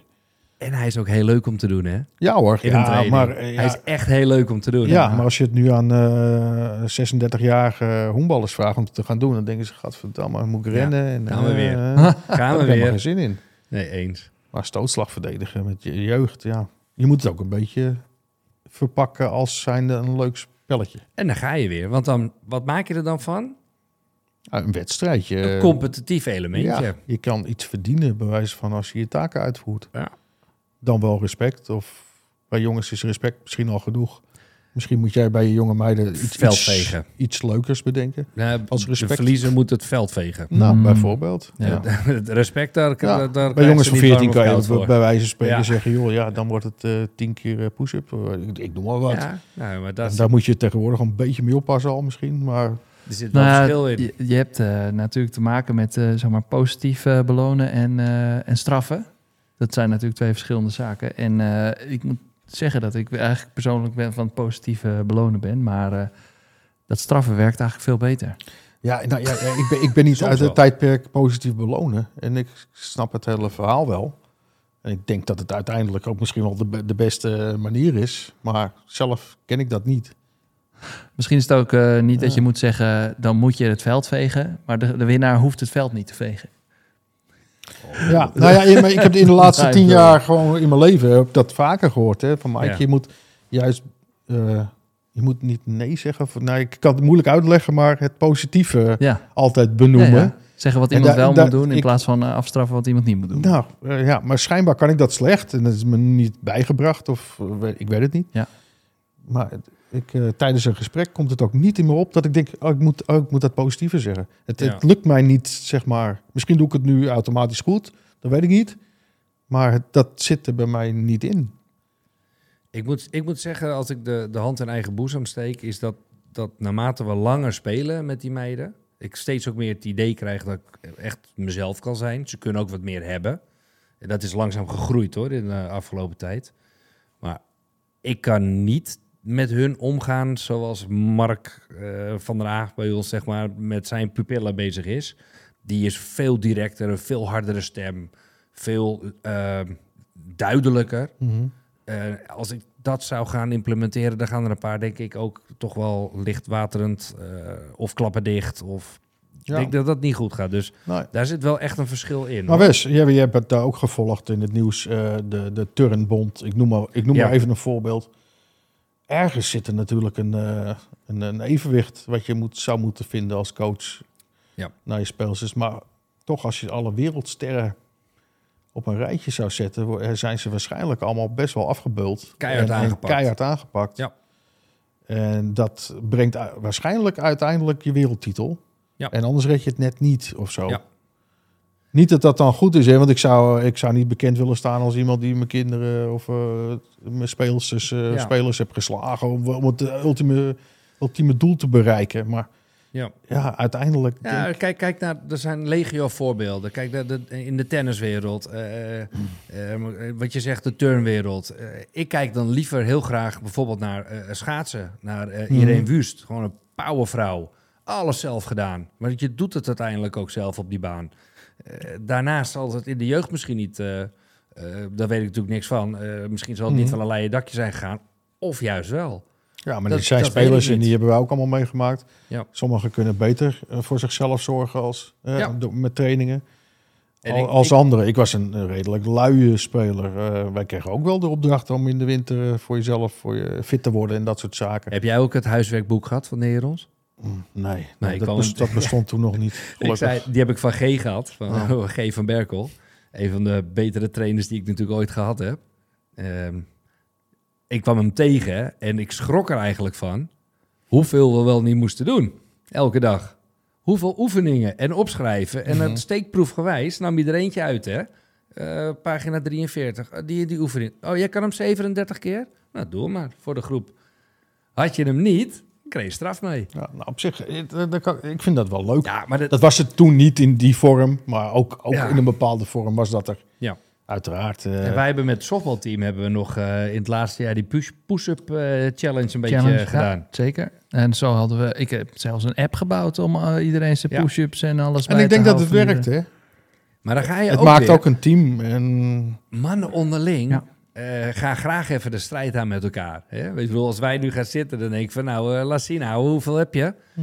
Bij de dames leeft dat niet zo hoor. Ik denk, eh, nou wil ik even stoppen, want dit is ook weer niet woke. Ik denk dat we echt in de volgende aflevering ook een dame aan tafel moeten hebben. gaan we zeker doen. De- want, want het gaat wel over mannen die het hebben over dames de hele tijd. Ik, ben, ik denk, Ja, maar dat is ook wel een beetje inherent Ja, aan het ja. verschil tussen honkbal en softbal. Hè? Laten we dat voorop stellen. nee, zeker En ook- hoor. En, en eh, er zitten natuurlijk allemaal punten die waar zijn. Maar ik, ik wil het graag eens van een mij, dame horen. Want En ik, ik wil helemaal niet denigrerend overkomen over Dat doen we ook softbal helemaal niet, of over de- ik, die dames, lieve hè. luisteraars. Want ik heb ook bij Alkmaar teams zien spelen waar ik gewoon vet van onder de indruk was. Hè. Zeker weten. Ik heb softbalsters gezien waar ik eh, nou eh, een heleboel van kan leren. Die beter zijn dan ik als honkballer. ja, Ik Dus, heb eh, de eer gehad om, eh, zeker in mijn herfst van mijn carrière, nog een paar wedstrijden voor eh, het Nederlands team tegen het Nederlands damesteam te mogen gooien. Ik kan je vertellen, dat is een hele kluif hoor. nou, en ik was ook eh, eigenlijk hartstikke blij en eh, vol, eh, noem je dat? Eh, Mhm. Ja, ja, eh, zelfvertrouwen ging ik, eh, ging ik de plaat op, maar ik kwam er af en toe behoorlijk eh, Nou, beschaafd vanaf, zeg maar. ik, weet, ik weet in die periode bij Alkmaar natuurlijk dat mijn vrouw en uh, Gonnie Varley, eh, die, die dames naar een hoog niveau tilden. En dat er ook wat buitenlandse speelsters bij zijn gekomen, met name Amerikanen in die eerste paar jaar. Nou, die waren toen nog even even ambitieuzer als misschien eh, de Ja. Nederlandse meiden. Ja. Die hadden al iets meer potentie. Of, ja, maar dat, dat was, dat was eh, het is dat het vrouwen waren, maar er er was geen verschil met de mannen hoor. ik eh, had dit jaar eh Jessie van Aalst eh, als teammaatje. De- van- nou, Ja. dat was ook echt niet normaal. Nou, dat, dat, die sluit, die kan ik meteen inkoppen. Want die hadden wij toen bij Alkmaria als eh, junior of net aanstormend talent. Ja. Die meiden heb ik nog een aantal jaren pitchtraining mogen geven. En het was verbazingwekkend wat een, wat een enorme basissnelheid die meiden ja, hadden. een normaal atleet. Ja. En als je dan ziet inderdaad wat, eh, wat Gonnie en, eh en Carol eh, hebben neergezet. Nou, dan mag je als ook Maria Victrix trots op zijn. Dat er zo'n zo'n waanzinnig goed team is geweest wat landskampioen is geworden. Hè? Vergeet het niet, gewoon landskampioen is Ja. geworden. En helaas hou je dat dan weer niet binnen Alkmaar. En verspreid dan talenten zich in Haarlem onder de, onder de mooie club, zeg maar, onder andere. Maar ze spelen nog steeds een hoop. Ja. Ja. En dat, daar mag ja. je echt heel trots op zijn. Nou, ik vind dat ze dat spelletje heel goed spelen. Ik vind alleen, ik vind alleen een ander spelletje, laat ik zo zeggen. Vraag je aan Mike, want eh, je bent onze gast. Dus dat is Rijn. handig. Eh, het gaat eventjes over autoriteit. Hoe kan het dat ik eigenlijk altijd onder de indruk van jou ben geweest, ook als jonge jongen, dat, dat jij altijd een soort van natuurlijke autoriteit hebt? Wat, hoe doe je dat? Tjoe. Nou ja, misschien, eh, kijk, jij hebt mij leren kennen vanaf eh, mijn dertigste zo'n beetje. Ik, coach, ik, ik coachte toen gewoon al jeugdteams. Naast dat ik zelf redelijk niveau speelde, zaterdag en zondag, en twee keer trainde, coachte ik daarbij ook gewoon nog een heel seizoen. En trainde ik twee keer in de week met dat jeugdteam. Misschien dwingt dat enigszins eh, iets af, of ja, ik weet het niet. eh. Heb je ook het gevoel dat eh, je dat hebt eigenlijk? ik heb nooit problemen gehad met, eh, met, met teams. Tuurlijk heb ik ook met spelers wel aanvaringen gehad, maar dat was altijd bij mij best wel snel hè, klaar. Dat ging mijn kant op en ja, joh, it's my way Ja. or the highway, zeg maar. Maar je hebt wel een natuurlijke een soort van uitstraling dat je boven het team staat, in plaats van dat je maatjes direct bent ze bent. Ja, maar misschien ook wel, dat is dan het zelfvertrouwen wat je dan kweekt in Ja. die jaren. Kijk, ik, en dat had ik eigenlijk al meteen. Want ik, ik nog, nog even terugkomend op dat eerste jaar Alkmaria aspirantjes. Ik had daar drie spelers in zitten die rete vervelend waren. Om het maar op zijn toen de tijd eh, term te noemen. En het waren ook nog eens drie kinderen van coryfeeën van de club. Dat wist ik op dat moment niet. Ik heb ze meteen na die eerste training heb ik ze de deur gewezen. Dus die eerste training waar ik je net over vertelde, Ja. heb ik, gingen ze klooien na de, na de training. Gingen ze iemand in zo'n blok, eh, je weet zo'n kast, zo'n kist waar je in de- in de gymzaal die je kan, kan stapelen Ja, met die gaten aan de, De bok. zijkant. de bok heet het. een Nou, ik weet niet hoe dat heet, maar Ja. dat zijn vier delen met een, met een leren bovenkant. Ja, ja, ja. Dat ding, hè. Daar hadden ze een spelertje ingedouwd en hem dicht gedaan. En toen gingen ze ermee rondrijden en la la la. Eh, nou, je, je kan het je voorstellen, het plaatje. Hartstikke leuk. Ja. Hartstikke leuk. Alleen ik was er niet zo van gediend. Dus ik heb die drie spelers gezegd: eh, jongens, ik hoef jullie niet meer te zien, wegwezen. En eh, als je nog wat wil, kan je dinsdagavond naar de club komen, kunnen we erover praten en dan prima. Alleen eentje kwam en die andere twee niet. Heb ik ook niet meer gezien. Oh, Ja, ik heb, ze, ik heb ze nu wel weer eens gezien. Maar die zijn alle twee gestopt. En dat zijn jongens van jouw eh, generatie. Ja. Ehm, en dat waren dus drie clubcorriveeën. ja, Ouders ja. of kinderen daarvan.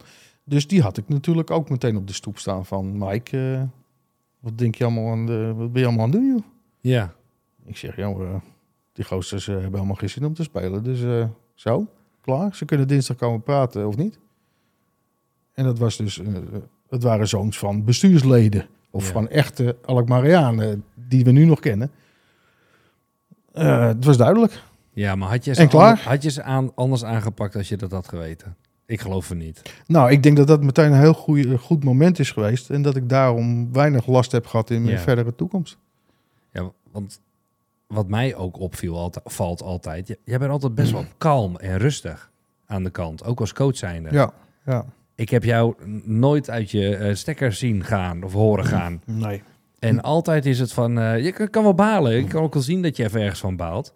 Maar vervolgens loop je altijd rustig terug. Je zal niet even iemand grijpen tussendoor. Dat komt altijd na de wedstrijd pas. Ja, dat klopt. Want, eh, maar die kalmte ik- en rust geeft ook een bepaald vertrouwen aan een speler. Hè? Ja, nou, ik zelf als speler heb ik best wel veel coaches gehad die anders andersom waren. Ja. En ik weet niet wat mij meer beviel, moet ik eerlijk zeggen. Het is ook maar wat je kan pikken als team. Eh, Ik had een heleboel vrienden altijd in mijn team, dus dan had je zelf... Hè, dan kon je nog wel eens een geintje onder de douche maken van nou, die lul van de coach. of wat dan ook. Ja. En dan was je er ook even, dan was je het ook even kwijt, prima. Ja. Maar ehm, ja, ik weet niet wat me meer beviel. Ik, vind het ook wel fijn als een coach opkomt, eh, een beetje... Soms heb je ook wel eens een slappe wedstrijd en dan wil je dat er iemand op staat. Nou, ik, ik ben niet die persoon in een wedstrijd als coach die dan even het hok eh, heen en weer schudt. eh. ja, of ik had, ik had wel altijd spelers die dat wel deden hoor. Of dat je je er even uit laat gooien. Nou, daar, daar, daar had ik wel wat, af en toe wat mee. Joh. Ja, ondanks dat ik rustig ben, eh, ben ik er toch al heel wat keer uitgestuurd, denk ik. Ja, nee, als je een bepaald punt bereikt, kan ik wel behoorlijk... eh, in een wedstrijd ben ik een vervelende speler. Ja, maar Of een nooit. vervelende speler. Dan, om te winnen ging ik wel over de schreef. Ja. Ja, jegens scheidsrechters, maar nooit Nee, tegen- ook. Spelers ook. Spelers ook. Ja, ik, ik hield wel van een dubbelspel opbreken en dat soort zaken. Oh, zo ja. Ja, Dat is, als, ik, als ik dan toch straks die, die spijtvraag zou krijgen, ja, dan heb ik wel een actie waar ik spijt van heb gehad. Ja, ja. bijvoorbeeld. Ja. Nou, noteer hem maar vast. Ja, dat was de spijtvraag. Ja. En het antwoord eigenlijk al. Ja. Ja, maar ik denk dat we allemaal wel een keer eh, zoiets hebben meegemaakt. Dat toch emotie eventjes de overhand neemt. Ja. En dan is dat hopelijk meestal pas op wat latere leeftijd. Want bij een jeugdspelertje zou ik dat inderdaad ook absoluut niet accepteren. Ik, eh, Nee, precies. precies. Ik eh, moet zeggen... de- Jij niet? eh. Heb jij dat nooit gehad? Ja, ik als werper was voor mij was het Nee. natuurlijk redelijk Ja, makkelijk. Ik Ik heb, ja, ja één ik, ik ben ook wel werper geweest en dan was het inderdaad makkelijk. heb gewoon echt een serieus geprobeerd. Het was in de hoofdklasse nog. Ja. Om een keer een werp... Om, was, was ook nog Ento, catcher. Moesten we naar een van de verste clubs toe. En ik heb echt geprobeerd om iemand te raken tot twee keer aan toe. Ja. En één keer eh, gooi ik een binnenkant, onderkant knuppel. Nou, slagbal. De tweede keer richting hoofd. Hij bukt. Hij raakt weer de knuppel. Twee slag. Ja. Nou, zegt Ento, gooi hem nou maar uit ook. ja, dat lukte dan weer niet. Maar Nou hoor, ik, eh, we- in die tijd kreeg je die opdracht ook best wel. ja, Ik, ik, ik herinner me eerste ik, wedstrijd, ik eerste was geen wedstrijd dat ik het moest doen. zomaar kon, hoor. Ik vond het ook niet zo fijn, want ik kon niet zo hard gooien. Nee. Dus ik kon ook niet echt iemand pijn doen. Maar ik weet dat mijn eh, eerste keer dat ik dat moest doen was in Den Haag tegen ADO, toenmalig ADO Den Haag. Ja. Ja. had nog een honkbalclub. En dat speelde ook, we speelden de overgangsklasse of zo, best wel hoog. En eh, aan slag was eh, Franka, Edward Franka, denk ik.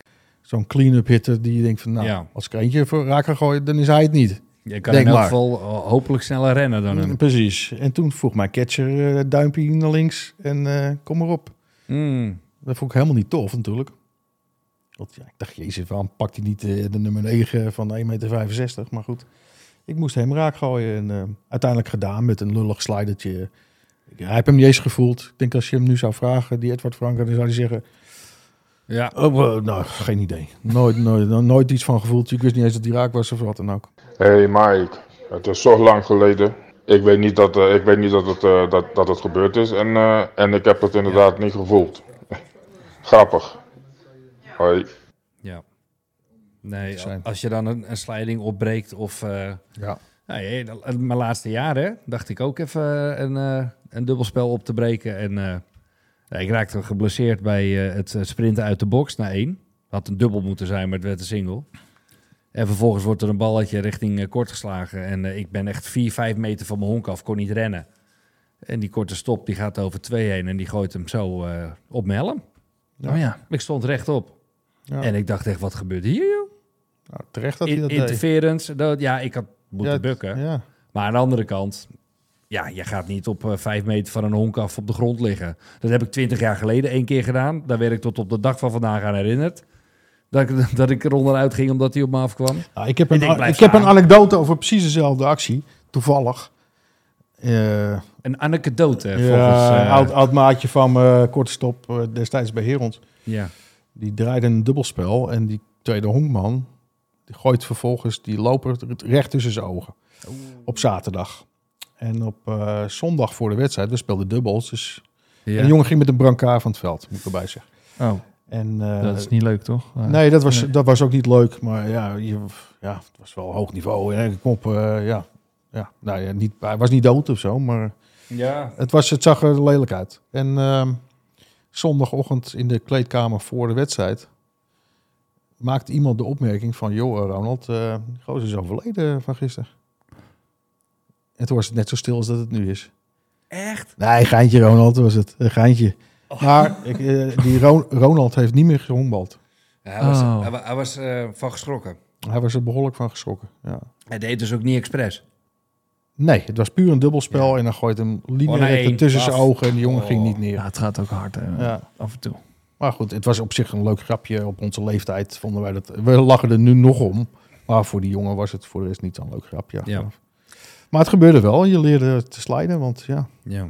gooide wel gewoon. En eh, eh, bij de jongenspupillen en de meidenpupillen heb je nu verschil in eh, maskers. En, en ik vraag me af, waarom dragen jongens geen maskers? Nou, toevallig heeft mijn eigen zoon eh, een tijd lang een masker gedragen. Waarom was dat? Ja, die heeft toen een keer een bal op zijn gezicht gehad en raakte wat angstig voor de bal. En toen, heb, toen, toen waren net die, die, die, die, die gaasdingen een beetje... ja. Toonbaar. Ja, toonbaar, die kwamen net op de in- markt of zo. Dat, dat was super lelijk en groot. Ja, maar dit zo. was het ook. Dit, dit moest je met de Soefie zelf op je helm vastzetten. Best wel moeilijk. En, eh, maar goed, toen heeft hij wel met zo'n constructie aan slag gestaan. Ja, dat, Ja. het was niet fijn om mee aan slag te staan. Maar goed, eh, ja, de, het moest. eh, het zou, want anders... Ja, Nou ja, als dat een stukje zekerheid biedt bij, eh, bij eh, een speler of speelster, Ja. dan wa- waarom niet? Ik bedoel, Ja. ik sta er zeker in de jeugd, eh, vind ik dat het verplicht moet zijn. Dat is het gelukkig ook bij de dames. Maar inderdaad, waarom bij de heren niet? Nou ja, die ballen zijn Ja. net zo hard, gaan net Af- zo ik, ik snel. heb bij de honkbal eigenlijk nooit het idee gehad dat het eh unsafe was, zeg maar.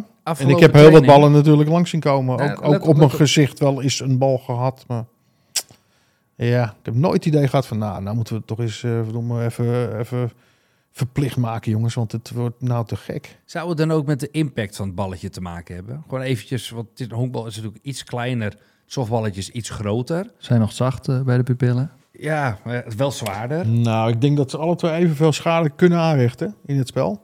Dat, dat hoor je ook wel bij honkbal Major League pitchers... die af en toe eh, Zo. dermate slecht geraakt worden dat ze overlijden. Dus dat gebeurt wel. En dan hebben we het nog niet over alle andere injuries Nee, die de- de- ontstaan door een bal die je heel hard krijgt. Kan ik ook nog wel een Ja. boekje open doen? eh, ja, we hebben helaas. allemaal, allemaal wel eens ergens gehad dat je denkt, zo, Ja. dat eh, was... waarom heb jij dan nooit, eh Wes, met een... eh, Masker gespeeld. en en eh, Ja. Tim van... eh, Nou ja, ik, ik zal een ander voorbeeld geven. Ik speel niet eens met een tok. En Nou. de, de reden daarvoor bij, bij ons bijvoorbeeld met, met, met de curvebal... kwam je zo dicht langs je eh, riem... ja, ja, ja. dat je met je vingers af en toe je tok kon raken. En dan was het echt zo'n zo'n zo'n snap. En dan had je gewoon eh, je nagel eraf. Of, of gescheurd, of een blauwe vingerkoot. Ja, of oké. Maar Dus jij had ook een hele grote tok, toch? Nee.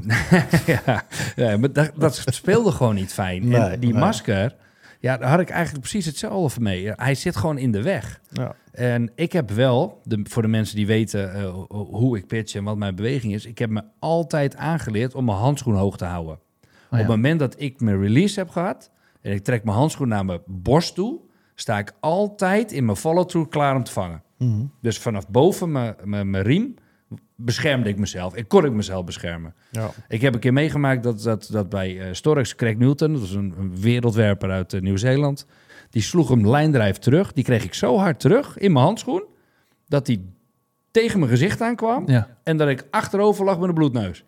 Oh ja, ja, ja, ja, ja. En dat is eigenlijk wat jij net zegt. Toen was ik verdomd blij dat ik hem ving. ja. Nou, weet je, dat ongeluk zit altijd in een klein hoekje. eh, Het Rijn. blijft gevaarlijk. Dat blijft gevaarlijk. En je kan zeggen zoals West, je kan je Ja. iets aanleren. Maar ja, eh, je handschoen is niet precies voor je gezicht. Nee. En als die bal wel op- op dat onbeschermde Ja, deel ja, komt, heb je niet de tijd om daar even naartoe te manoeuvreren, die handschoen. Want daar gaat het gewoon te hard voor. Op, eh, Zeker je, staat op een meter of tien en die bal komt met 100, eh, 140 Ja. kilometer per uur van die knuppel af. Dus. Reken maar uit, dat is, dat is geen optie. Maar om, om even terug te komen over die, eh, die gezichtsmaskers voor- bij jeugd. Ehm, afgelopen training eh trainen, eh, trainde ik samen met onze pupillen. ehm, en de meiden, zeg maar. Dus de pupillen, honkbal en de meiden onder 12. Mhm. En daar kreeg dus in een heel simpel binnenveldje...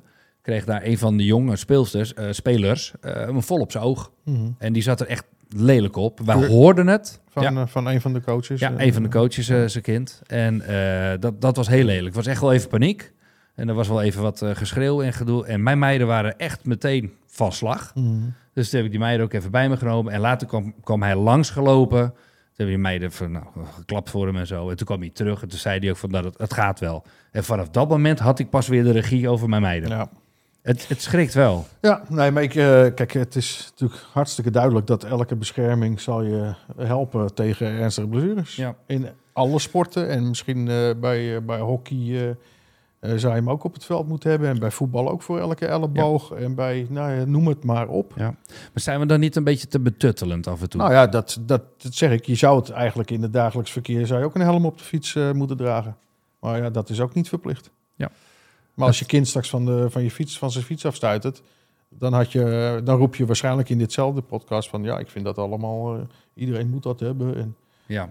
ja, er moet iets slechts overkomen voordat we met z'n allen Ja. dit gaan wijzigen. Dus, conclusie, wat we hier even zo... eh, als je het terughaalt naar eh, de fiets en eh, je bent bang om te fietsen... dan helpt het misschien om een helmpje op te doen. Dan ben je misschien iets minder bang. Hetzelfde zou je ook kunnen doen met eh, kinderen die wat banger voor de bal zijn. Ja. Als een eh, eh, gezichtsmasker daarvoor helpt, Scheenbeschermers. doe het. Ja. Hij is het hele veld in een ketchuppak. Dat is misschien een beetje duur, maar... eh, Zoals nu bij de softbal. Ik denk dat het een goede ontwikkeling is. eh, dat de jeugd heel veel met, Ja. met maskers speelt. Ja. Ik bedoel, het, het haalt sowieso die Ja. blessures eh, naar beneden. Moeten we ook even bij zeggen dat de softbalafstanden eh, korter zijn dan de, de honkbalafstanden. Dus dat ook eh, iets van invloed, zeg maar. Hè, waarom er gekozen wordt voor eh, de dames onder 12 verplicht met een masker spelen. Mhm. Een derde honkvrouw staat nou eenmaal dichterbij, eh een slagvrouw, dan eh, de honkbal derde honkman Ja. bij de slagman. Ik eh, moest bij de softbal ook met een beetje inspelen op het derde honk. Want anders dan eh, durfde ik het eigenlijk ook niet echt. Ja, want derde honk, man, ook bij softbal is Hot ook corner. wel- ja, ja, zeker wel. heel Gaat goed, heel, eh, ik- gaat heel hard. Ja. ik heel goed. Dus ja, het blijft een beetje een, een gevaarlijk spelletje af en toe. Ja. dat, is, dat is nou eenmaal zo. Hey, ehm, jij hebt dus wel eh, twee kinderen een keertje, wat je net vertelde, de, ehm, de gang gewezen, zeg maar. Verteld Ja. dat ze niet meer eh, welkom waren. Nou ja, dat was dan op mijn eerste werkdag, zeg maar. ja. In, de, in, de, in, de, in de jaren daarna is het wel, wel eens vaker voorgekomen. Ja. ja, want kun je mij misschien eh, vertellen eh, hoe ik dat zou moeten doen? Nou, Wat is een hangt het wel een beetje vanaf wel wat voor leeftijdscategorie je coacht. Als jij de bibel coacht van jongens van 5 tot eh, 8, dan vind ik dat, dan hoop ik niet dat je dit soort gesprekken moet voeren. Maar ik heb het nu over jongens die 15, 16 werden of waren. Ja, nou ja, daar, daar, Ja. Valt, daar valt al wel mee te praten. Dan kom je eigenlijk Ja. al in de categorie pesten. eh, ja, uit. ik vind als je zelf zo'n mans bent om met z'n drietjes een ander te pesten, dan moet je ook zo'n man zijn om die dinsdag erop je te verantwoorden bij, die, bij diezelfde coach. Nou, eens, maar ik heb toch ook eh, zelf wel eens eh, een beatballer moeten vertellen, of althans de ouders moeten vertellen, dat, dat het verstandiger zou zijn, laat ik hem omdraaien, dat Mm. hij een andere sport zou gaan zoeken. Ja, ja. ja ik, ik denk dat het misschien wel vergelijkbaar is met de schoolklassen. Ik weet niet of een van jullie eh, daar ervaring mee heeft. Als, eh, als een leraar of lerares van eh 10 tot 14-jarigen, want misschien wel jonger zelfs. Dat het toch ja, dat het moeilijk is en je bent geen professional eh, op het gebied van ja, Pedagogisch. psychische eh, problemen of eh, opvoedkundig. Ja. Ik ben, ik ben het zeker niet, maar het wordt bijna wel van je verwacht als trainer-coach. Nou, het zijn wel eh, de moeilijke gesprekken die je voert over, over het algemeen. Het zijn onwijs moeilijke gesprekken, want ik heb ze natuurlijk... eh, A, thuis heb je het er wel eens over. Nou, dan merk je al snel hoe, op, op wat voor eh, schuin vlak je je bevindt. Ja. Ja. Want eh, Van wie ben jij? ja, je, je komt al snel in de discussie bijna dat er woorden vallen van discriminatie of... eh, ja, ja, dus, ja, nou ja, met, name, met, name, met name dat woord is al heel vervelend. Ja. En dan hebben we het niet over huidskleur. Dan hebben we het gewoon over... Ja, wie ben jij om te zeggen dat dat kind een rugzakje heeft, A? Of eh, ja, ja, ja. Nee, jullie snappen wat ik bedoel, denk ik. Het is Ja, gewoon... ik, vind ook, ik vind het al moeilijk om over te praten eigenlijk. Ja, je bent al bang om er wat over, verkeerds over te zeggen. Maar die vraag ligt ook al bij het bestuur inmiddels om, om daar eens over na te denken. Eh, Kijk, op scholen is het nogal makkelijk, of makkelijk. Daar eh, kan je een FTE aanstellen als school eh, die begeleiding biedt in een klas. I- Een IB'er heet dat. En die, die begeleidt bijvoorbeeld een, een kind in de klas. Of ja, ja, Ja, wat een ik kind zeg. wat, eh, wat die meer ontlast, aandacht nodig ja, heeft. die ontlast Ja, dan ja. ook de leraar. Ja. Waardoor het niet ten koste gaat van het lesprogramma. Maar goed, hebben wij die als En coach? de leerlingen. Ja. Ja, want dat is een beetje het, het, het punt, hè? Want in, in hoeverre eh, mag je als vereniging of coach eh, het spelplezier van jouw andere eh, kinderen... eh, Ja. Ben jij verplicht als vereniging een lid op te nemen? ja, Daar begint het dan dat een dus. beetje. Want, en dat wil je eigenlijk helemaal niet hoeven afvragen. Maar op dat punt zijn we een beetje gekomen af en toe. Dat ik, het is bij ons voorgekomen de afgelopen eh, jaren. ja, Dat we in zo'n situatie kwamen. En ja, Ja, maar eh, het zou eigenlijk wel mooi zijn als je vanuit de club dus ook de handvaten zou kunnen krijgen Ja. om daar eh, wel mee om te gaan. Nou, zo'n, van- wat, wat je zegt, eh, Mike, vanuit eh, scholen wordt daar dan een IB'er op gezet. Nou, dat zou fantastisch zijn voor een eh, team. Want als je 16 kids hebt en je hebt eh, twee coaches, dan, dan, dan is het qua aandacht natuurlijk al snel eh, Ja. lastig om het, om het goed te kunnen verdelen. Ja. eigenlijk heb je dan men, wel handjes of mensen erbij nodig om eh, het hele zwikkie eh, Ja. in orde te houden. laten we vooropstellen dat dit een maatschappelijk iets is. een probleem misschien wel, in jeugdzorg. Dat het misschien achtergesteld is geweest de laatste jaren. Dat er meer dit, van dit soort gevallen, dat we die meer tegenkomen. En dus ook in de sport. Zou maar kunnen. ja, om het eh, op te lossen heb je professionals nodig. Want er is gewoon professionele zorg voor zoiets nodig. Maar Ja. wij zijn wel een sportvereniging en niet een professionele zorginstelling. Is het dan zo dat je als eh, coach eh, een tip kan geven aan andere coaches hoe ze daar mee om kunnen gaan? Ga naar de club toe? Of, Nou ja, een beetje, het hangt een beetje van de ernst van de situatie af.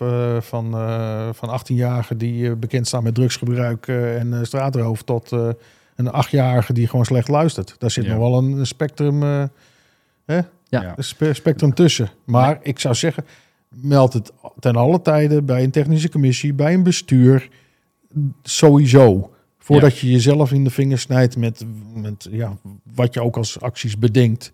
Het zal heus eh, goed bedoeld zijn, maar dat wil niet altijd zeggen dat het goed overkomt bij ouders of bij spelers. Of... Ja, ja. Dus meld het gewoon direct. Moet je het ook melden aan de ouders zelf?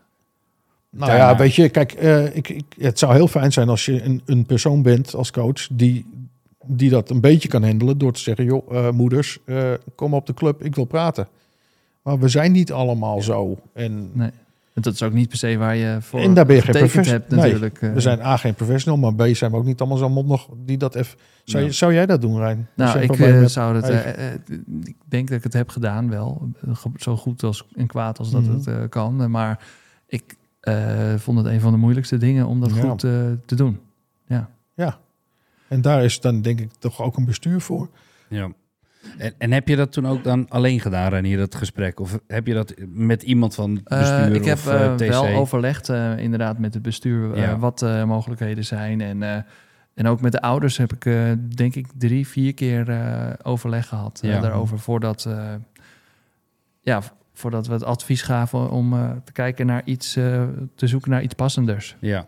Weet Ja. wat, wat, wat, wat, eh, ik, ik heb die is, situatie hoor. wel een paar keer gehad. Ik heb Ja. ook wel eens eh, gesprekken moeten voeren erover als TC-lid dan. Dat het toch een beetje moeilijk was voor een coach. Dat ik toch een beetje hulp in de hand moest bieden.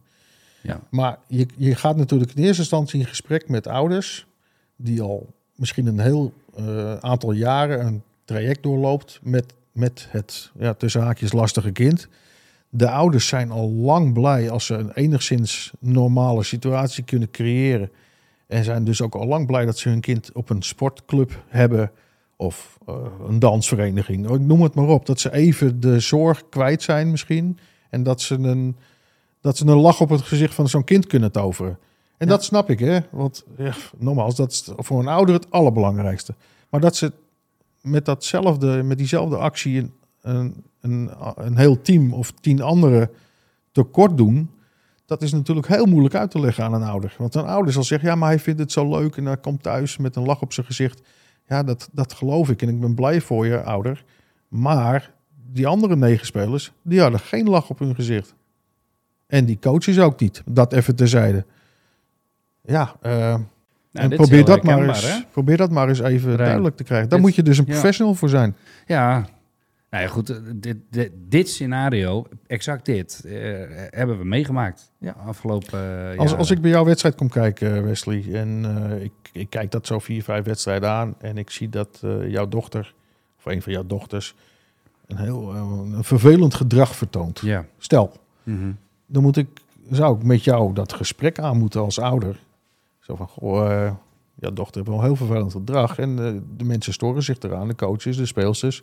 Nou, ik, ik, Ja. ik, ik voel bijna nu al de woede dat ik zo over je kind spreek. Ja, want eh, die, Dat zou ik namelijk ook voelen. In eerste instantie voelt dat, dat heel... doet mijn kind helemaal niet. Nee, dat geeft heel veel weerstand.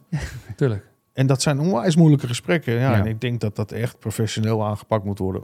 En de tip daarin is dus, en als, ga niet op eigen houtje acteren. Informeer altijd TC-bestuur en maak een plan. Ja. En ga zitten om tafel. Ja, maar dat, Ja, plan, maar dat maken, dat is, nog best wel, eh, dat is nog best wel een dingetje.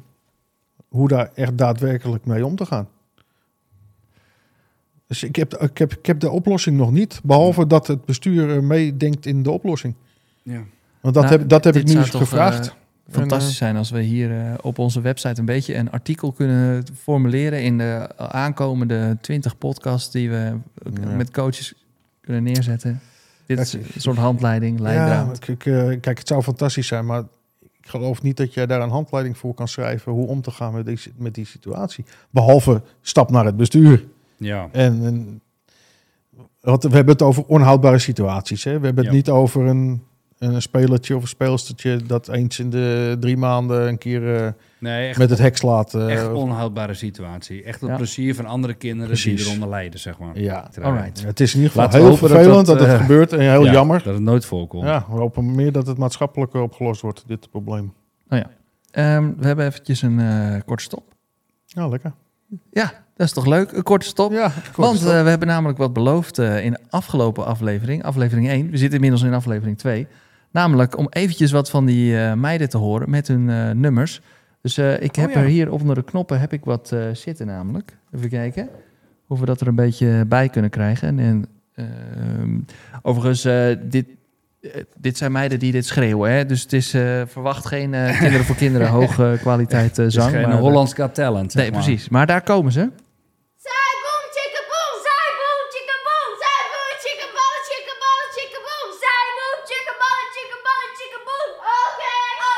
Oké. Zo. Nou, dat Ja. gaat dus helemaal tekeer Oh, in, eh, ja, in die ja, ja. dugout. Heel herkenbaar ook weer. Ja. Ja. ehm, Ja. Maar ze hebben ook dus een, eh, een Engels nummer, eh, waarvan ik... eh, Ja. dat hebben ze opgeschreven. Ik vraag me af of ze echt weten wat ze zingen. Ik heb werkelijk geen idee hoe deze ontstaan is. Nee, komt-ie. Opeens stond hij er. Can you hear me? Turn around like Michael Jackson, break it off like Britney Spears, shake it off like Miley Cyrus. I can hear you, can you hear me? Echt, hè? Oké. Die vind En ik er wel zit leuker een dan die eerste. Ja, er zit een heel dansje bij, joh. Nu heb ik die Ja. eerste ook al honderdduizend keer gehoord de afgelopen Ja. vijf jaar. Dus dat was ik al lang blij dat je die tweede liet horen. Dat eerlijk dansje ook wat ze doen als ze één Ja. uit hebben of twee uit hebben. Het is toch ook... eh het Ja. is af en toe eh, de, de, de Savannah Bananas bijna eh, bij jou op Ja. het veld. Ja, ja, ja, ja. Nou, gelukkig wel. Want dat is toch ook een wezenlijk verschil tussen eh, eh, heren en eh, dames. ja. Mag ik het weer een keer zeggen? Ja, ik zeg zeker. Die meiden, die maken gewoon overal een, een, een, een dolletje van. Ja. Van Rome naar de maan, daar kunnen ze niet staan. Hey! Dolletje. Ja, weet je, kijk, bij mij thuis eh, speelt softbal ook een rol. En ik weet niet, sinds het tijdperk van eh, online games streamen... zijn er nogal wat toernooitjes eh, de revue gepasseerd eh, op mijn vakanties. Of eh, Ja. in, in het ergste geval op mijn vakanties. In het minder erg geval gewoon thuis. Ja. Dat ik daar een beetje mee moest eh, meegenieten, zeg maar. Wat ik, wat ik al moeilijk kon. Want het spelletje is niet, eh, niet heel erg aan mij besteed. En toen dat zingen en online en dat het door de huiskamer galde of op mijn vakantieadres, Ja. ben, ben ik daar niet eh, enthousiaster over geworden.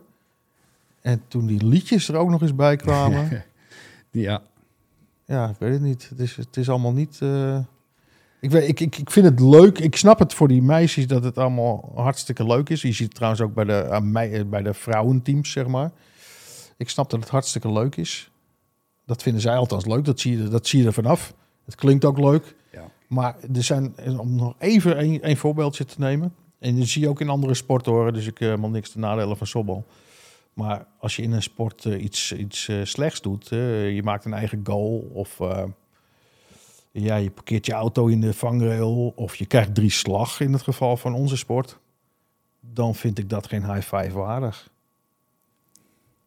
Ik denk niet dat Max Verstappen zijn auto in de vangrail parkeert en vervolgens naar zijn teambaas loopt en hem een high five geeft. Als dat zou gebeuren, zou ik in ieder geval geen Formule 1 meer kijken. En dat is wel wat er gebeurt bij de softbal. Speelsters krijgen een strikeout en, krijgen, en geven vervolgens een high five als ze teruglopen naar de, naar de dugout. En eh, Ja. ik weet het niet. En eh, dat, eh, prima dat die ontwikkeling er is, maar voor mij niet. Mij persoonlijk, ja, dat, dat weet ik niet. Dat knelt. ja, ik snap hem. Snap Ik jij? snap hem. Ja, eh, ik En ik zag, ik zag, Ik en ik zag het de jaren daarvoor al een beetje ontstaan bij de volleybal. Eh, we- Ja, ik, elke ben, ik ben van voor jouw periode, Rijn, maar we hadden een heel mooi volleybalteam. In eh, 1988 werden geloof ik eh, Olympisch kampioen. Atlanta. Hartstikke mooi. En bij volleybal is het zo dat of je nou een punt scoort of niet, eh, iedereen komt naar elkaar toe en geeft high fives. Maar dat was, dat was toch nog iets anders bedoeld dan, deze high fives. Ja. Dat is elkaar even scherp houden van eh, we staan hier, eh, we gaan dit Ja. nu doen, let's go. Ja. En deze zei, oh geef niet hoor. En eh, we gaan weer verder. Ja, de, en ja Er zit toch dat een- is precies, Er zit precies een andere dat. energie aan. Het is dat, bij dat volleybal was het meer van, kom op, we zijn als team, volgende punt, focus weer, huppakee. Ja. We zijn er, geeft niet. Maar bij, die, ja, bij het ontwikkelen van een sportmentaliteit hoort het niet dat je elkaar feliciteert na een slechte actie. Oké, Zo zie ik het maar. Ja. Zo, eh, ik eh, denk dat we Zo. deze, eh, dit, dit ook gaan vragen aan eh, Stanley Donny. Dat wordt onze volgende podcast eh, ja. interviewer. Die eh coacht de dames. En wat mij vooral opviel, want hij coacht ook ons dit jaar, is dat hij. wij, het is misschien nog tweeledig. Eh, wij trainen ook mee met de dames voor het eerst, dus op dat Mhm. niveau. En ehm, wat mij opviel, is dat alleen de positieve dingen benoemd werden. En de negatieve dingen werden stilgehouden, werden niet benoemd. Dacht ik, dus ben ik ook naar hem toe gegaan. Want eh, ik was wel nieuwsgierig. Waarom zeg je alleen maar, eh hey, dat ging goed, Meestal dat ging zijn goed. wij gewend om het uit de hoekbal andersom te hebben. Ik, ik dacht, eh, hallo, je mist de helft van het hele spectrum van... zeg maar, je gaat alleen maar de ene helft nu Mm. benoemen. En, waarom? Ja, d- ja. Iemand moet toch ook weten dat hij shit is? Ja. Maar dat, eh, dat, dat gaan we aan hem vragen. Waarom dat precies eh, zo zit Ik en denk, waarom dat, ik denk dat het hele proces twee keer zo lang duurt. Dat idee heb ik. En dan, misschien is het, klinkt het raar, maar als ik, als ik een puppy zou kopen en ik zou hem alleen maar uitleggen of een snoepje geven bij alles wat hij goed doet, denk ik dat ik twee keer zo lang bezig ben als dat ik hem ook zou straffen zeg maar, voor de dingen die hij niet goed doet. Op voetkundig lijkt, lijkt het alsof je beide, van, beide kanten van het spectrum inderdaad moet Ja. benoemen of zo. En Ja. al, alhoewel straffen klinkt natuurlijk heel slecht. Nee. Maar het is meer het afleren van een slechte gewoonte. Ja. Ja. Of zo. Ja, ja. Kijk, ja, ja. jij- en ik wil niet dat je Ik aan, een- hem aan een wel riem met, eh, met spijkers eh, trekt deze. bij een hond. Eh, Dat snap ik ook wel. Nee. Maar ik je, je hoeft een kind ook niet te slaan als het fout is. Maar je- het benoemen, mm, ja, dat wil je misschien Ja. niet te vaak doen. Maar je zal het ze toch af moeten leren op een of andere manier. En hoe leer je dat dan af? Ik, ik ben echt heel erg benieuwd wa- wa- wat, ik hier nog uit eh, kan eh, meenemen, zeg maar. Want wat ik vorige podcast heb benoemd, dat wij de, de wedstrijd eigenlijk in korte inningjes opdeel. Hmm. Dus bekijk gewoon inning 1 hoe ik het doe, 2 en 3.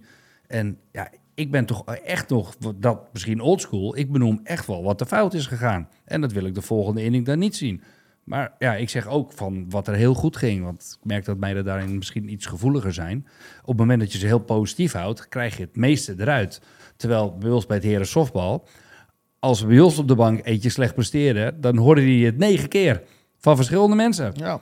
En dan was het aan die persoon om te denken van, fuck, nou dit gaat me niet meer gebeuren hoor. Nou ja, Tandje maar bij. Wat je zegt, ik denk dat mannen het makkelijker kunnen hebben. Ja, dat, dat, dat, er zit een verschil in mentaliteit in. Heel, heel simpel. Ja, maar het blijft zo, eh, Rijn. Je kan toch niet alle dingen die fout gaan niet benoemen?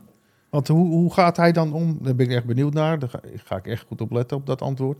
Eh, als iemand eh, eh, zijn handen verkeerd om heeft bij het slaan... of ze, knokkels op een hele rare... of hij houdt de knuppel heel, heel raar vast... wat dan beperkt in, in zijn slaan. Dat benoemt hij dus dan niet. Hij zal het alleen benoemen op het moment dat ze het afgeleerd hebben... op wat voor wijze dan ook. En ineens staan die handen goed. Dan zou hij zeggen, oh, goed man, je hebt je handen goed.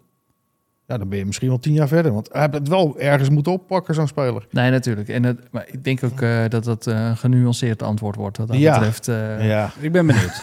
er zal iets van eh, psychologie achter zitten, denk ik. zeker, dat denk Ja, ik ook. Ja. Zoveel mogelijk positief coachen, ja, dat, dat klinkt heel goed. Ja, Maar het- je kan niet positief coachen zonder het negatieve te benoemen. Nee, dat lijkt mij ook niet. Alleen, hoe, hoe benoem je dat? We gaan het eh mee. Dan geef je namelijk alleen maar commentaar en dan ben je niet meer aan het coachen. Nee. Maar goed, eh, Alright. Interesting. Oké, Ja. ehm, even kijken. Ik had nog een vraagje. Want eh, waar ik erg eh, mee zit, namelijk, ik heb er geen antwoord op nog. Dus ik ben benieuwd.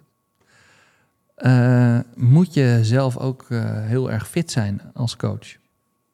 Oeh.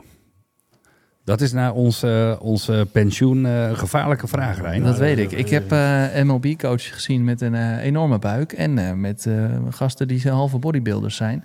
En ik vraag me af eh, in hoeverre ja, je, dat invloed heeft op eh, het uitoefenen van je eigen maar, kunnen. Rijn, die coaches die jij ziet op tv, die doen geen ene moer, hè? Behalve eh, vertellen hoe- wat er allemaal gedaan moet Dat is worden. meer manager, denk ik. Ja, die hebben geen handschoen in hun handen, die hebben geen knuppel in hun handen.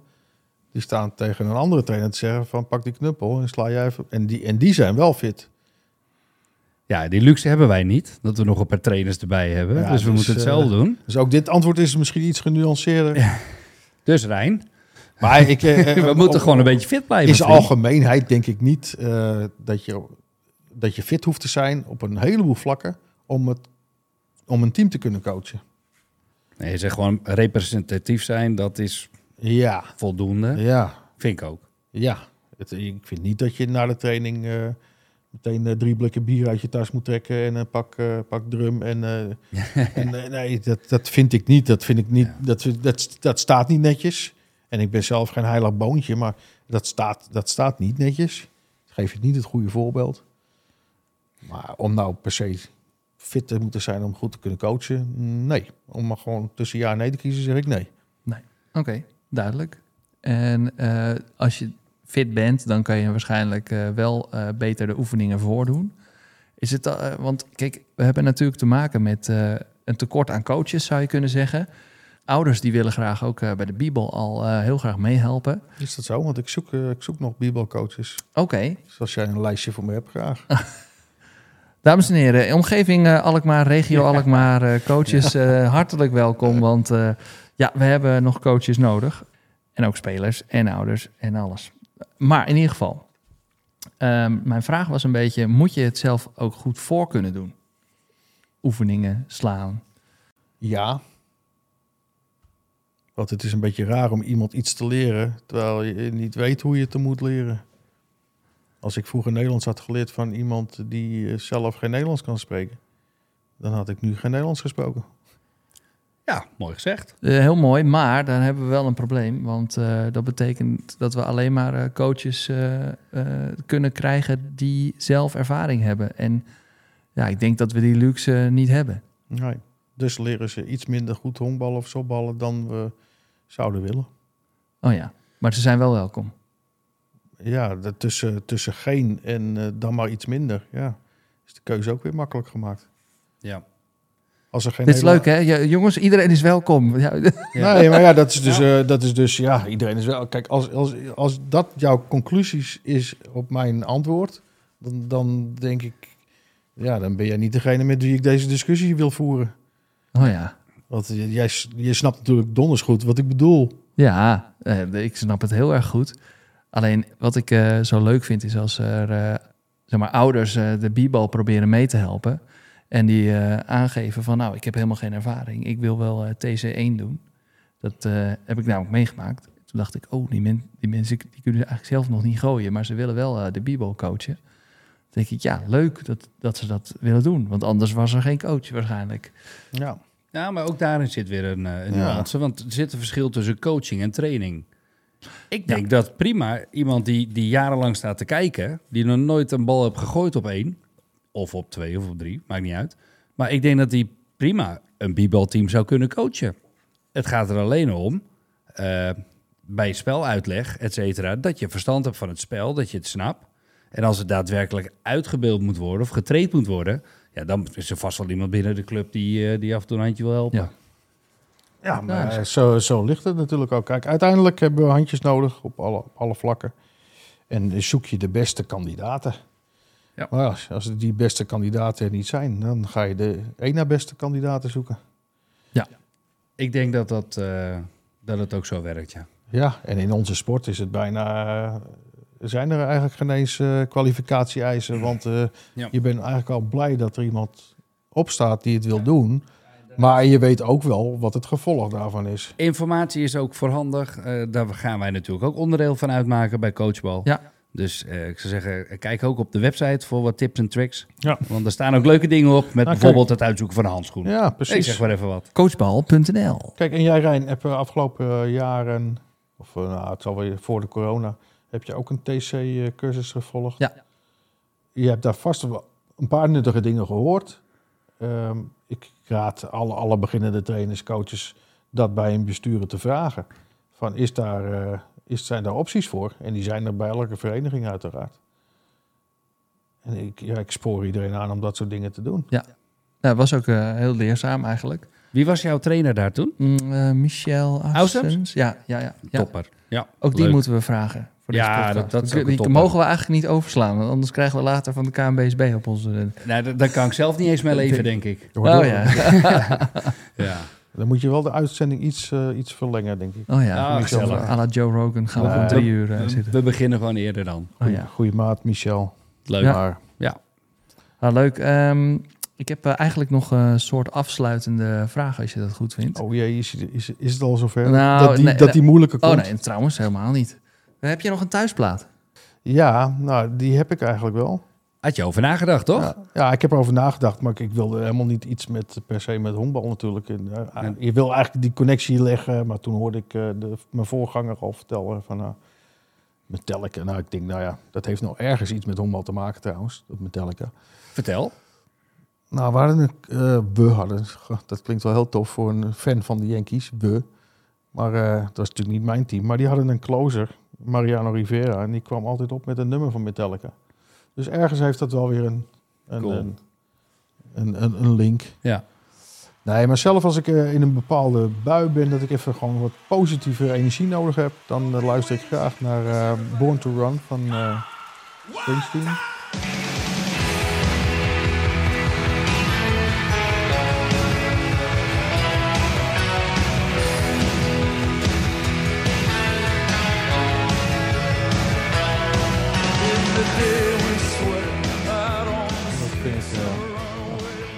Lekker. En dat heeft ook wel wat Amerikaans. Dat vind ik dan ook Oh wel ja. weer tof. Ja.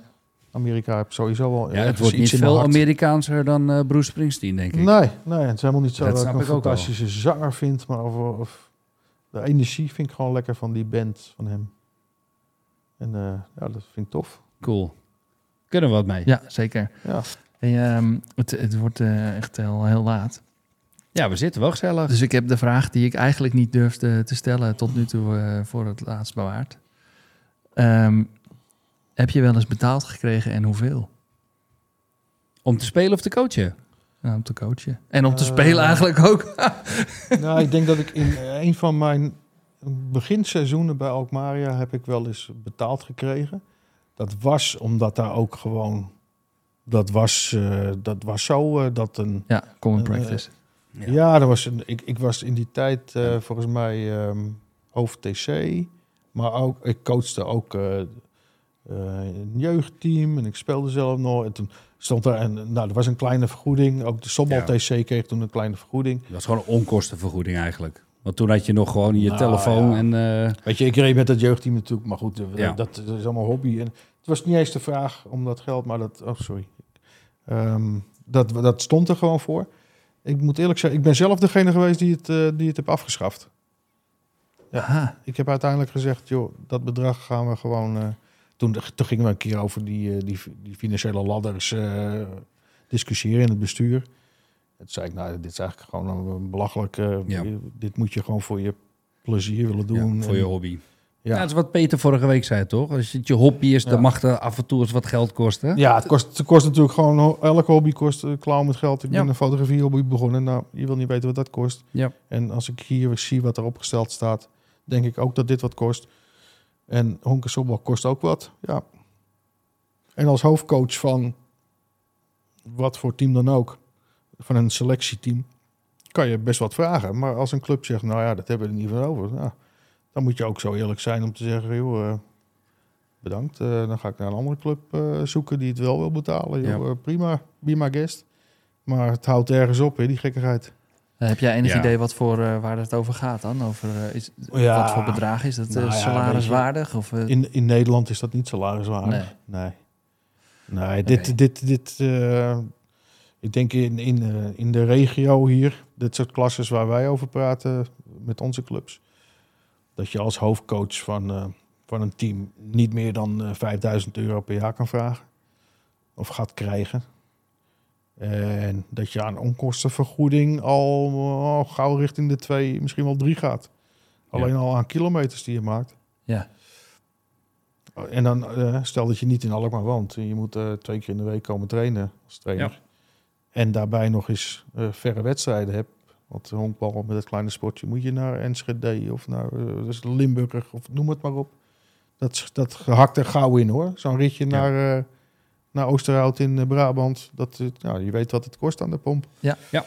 Ja, helaas. Zet daar maar eens 30 cent de kilometer tegenover. en dan, Nou, ik heb vorig dat jaar eh, voor mijn eh, competitie inderdaad een eh Excelletje gemaakt om te kijken hoe dat uit zou pakken. Ja, Ja. ja. dat heb ik uiteraard ook wel eens, wel eens gedaan. En dan dacht ik, jeetje, ik ben gewoon 2000 gulden kwijt in een jaar aan, aan brandstof. Ja. En dan had je het nog niet over alle tosties en, eh en colaatjes en wat dan ook. Maar goed, eh, het belandt allemaal in de clubkas. Dat vind ik prettig. Ja. Want ik heb er uiteindelijk veel meer lol van dan dat het me kost. Dat is mooi. Mooi afsluiten. Merci beaucoup. Ja, super Ehm, bedankt. We gaan eh, ook. afsluiten. Overigens, eh, misschien wel leuk om eh, te weten dat we alles eh, in de show notes ook zetten. Ja. Je hebt van tevoren ook nog wat vragen beantwoord. Die zetten we daar ook nog in. En die show notes die kun je vinden op Spotify, op onze website. Overal vind je ze terug. Heb je genoten en wil je ons helpen om meer mensen te bereiken? Nou, nou, like dan alles overal Ja. op alle platformen. Dat mag zeker. Super nice. Je kan dus op onze website meepraten met onze community. En sponsoren. Als je wil. Hoeft niet. Mag wel. Je mag blijven luisteren. Wij doen het, eh, zoals eh, net ook gezegd, eh, als hobby. Tot volgende keer. En eh, als jullie wat hebben, tips, tricks, eh, laat het ons weten. Merci beaucoup. Ik stel voor dat wij eh, eh, het lekker gaan afronden. We gaan even een drankje doen. Hebben we wel verdiend. Ik weet niet hoe het met jou zit, maar ik heb een droge mond. Cheers jongens. Het was lang. En succes met jullie verhaal eh, en met jullie podcast. Want het is, dit is tof. Dit is superleuk. Dit is tof. Thanks. Yo.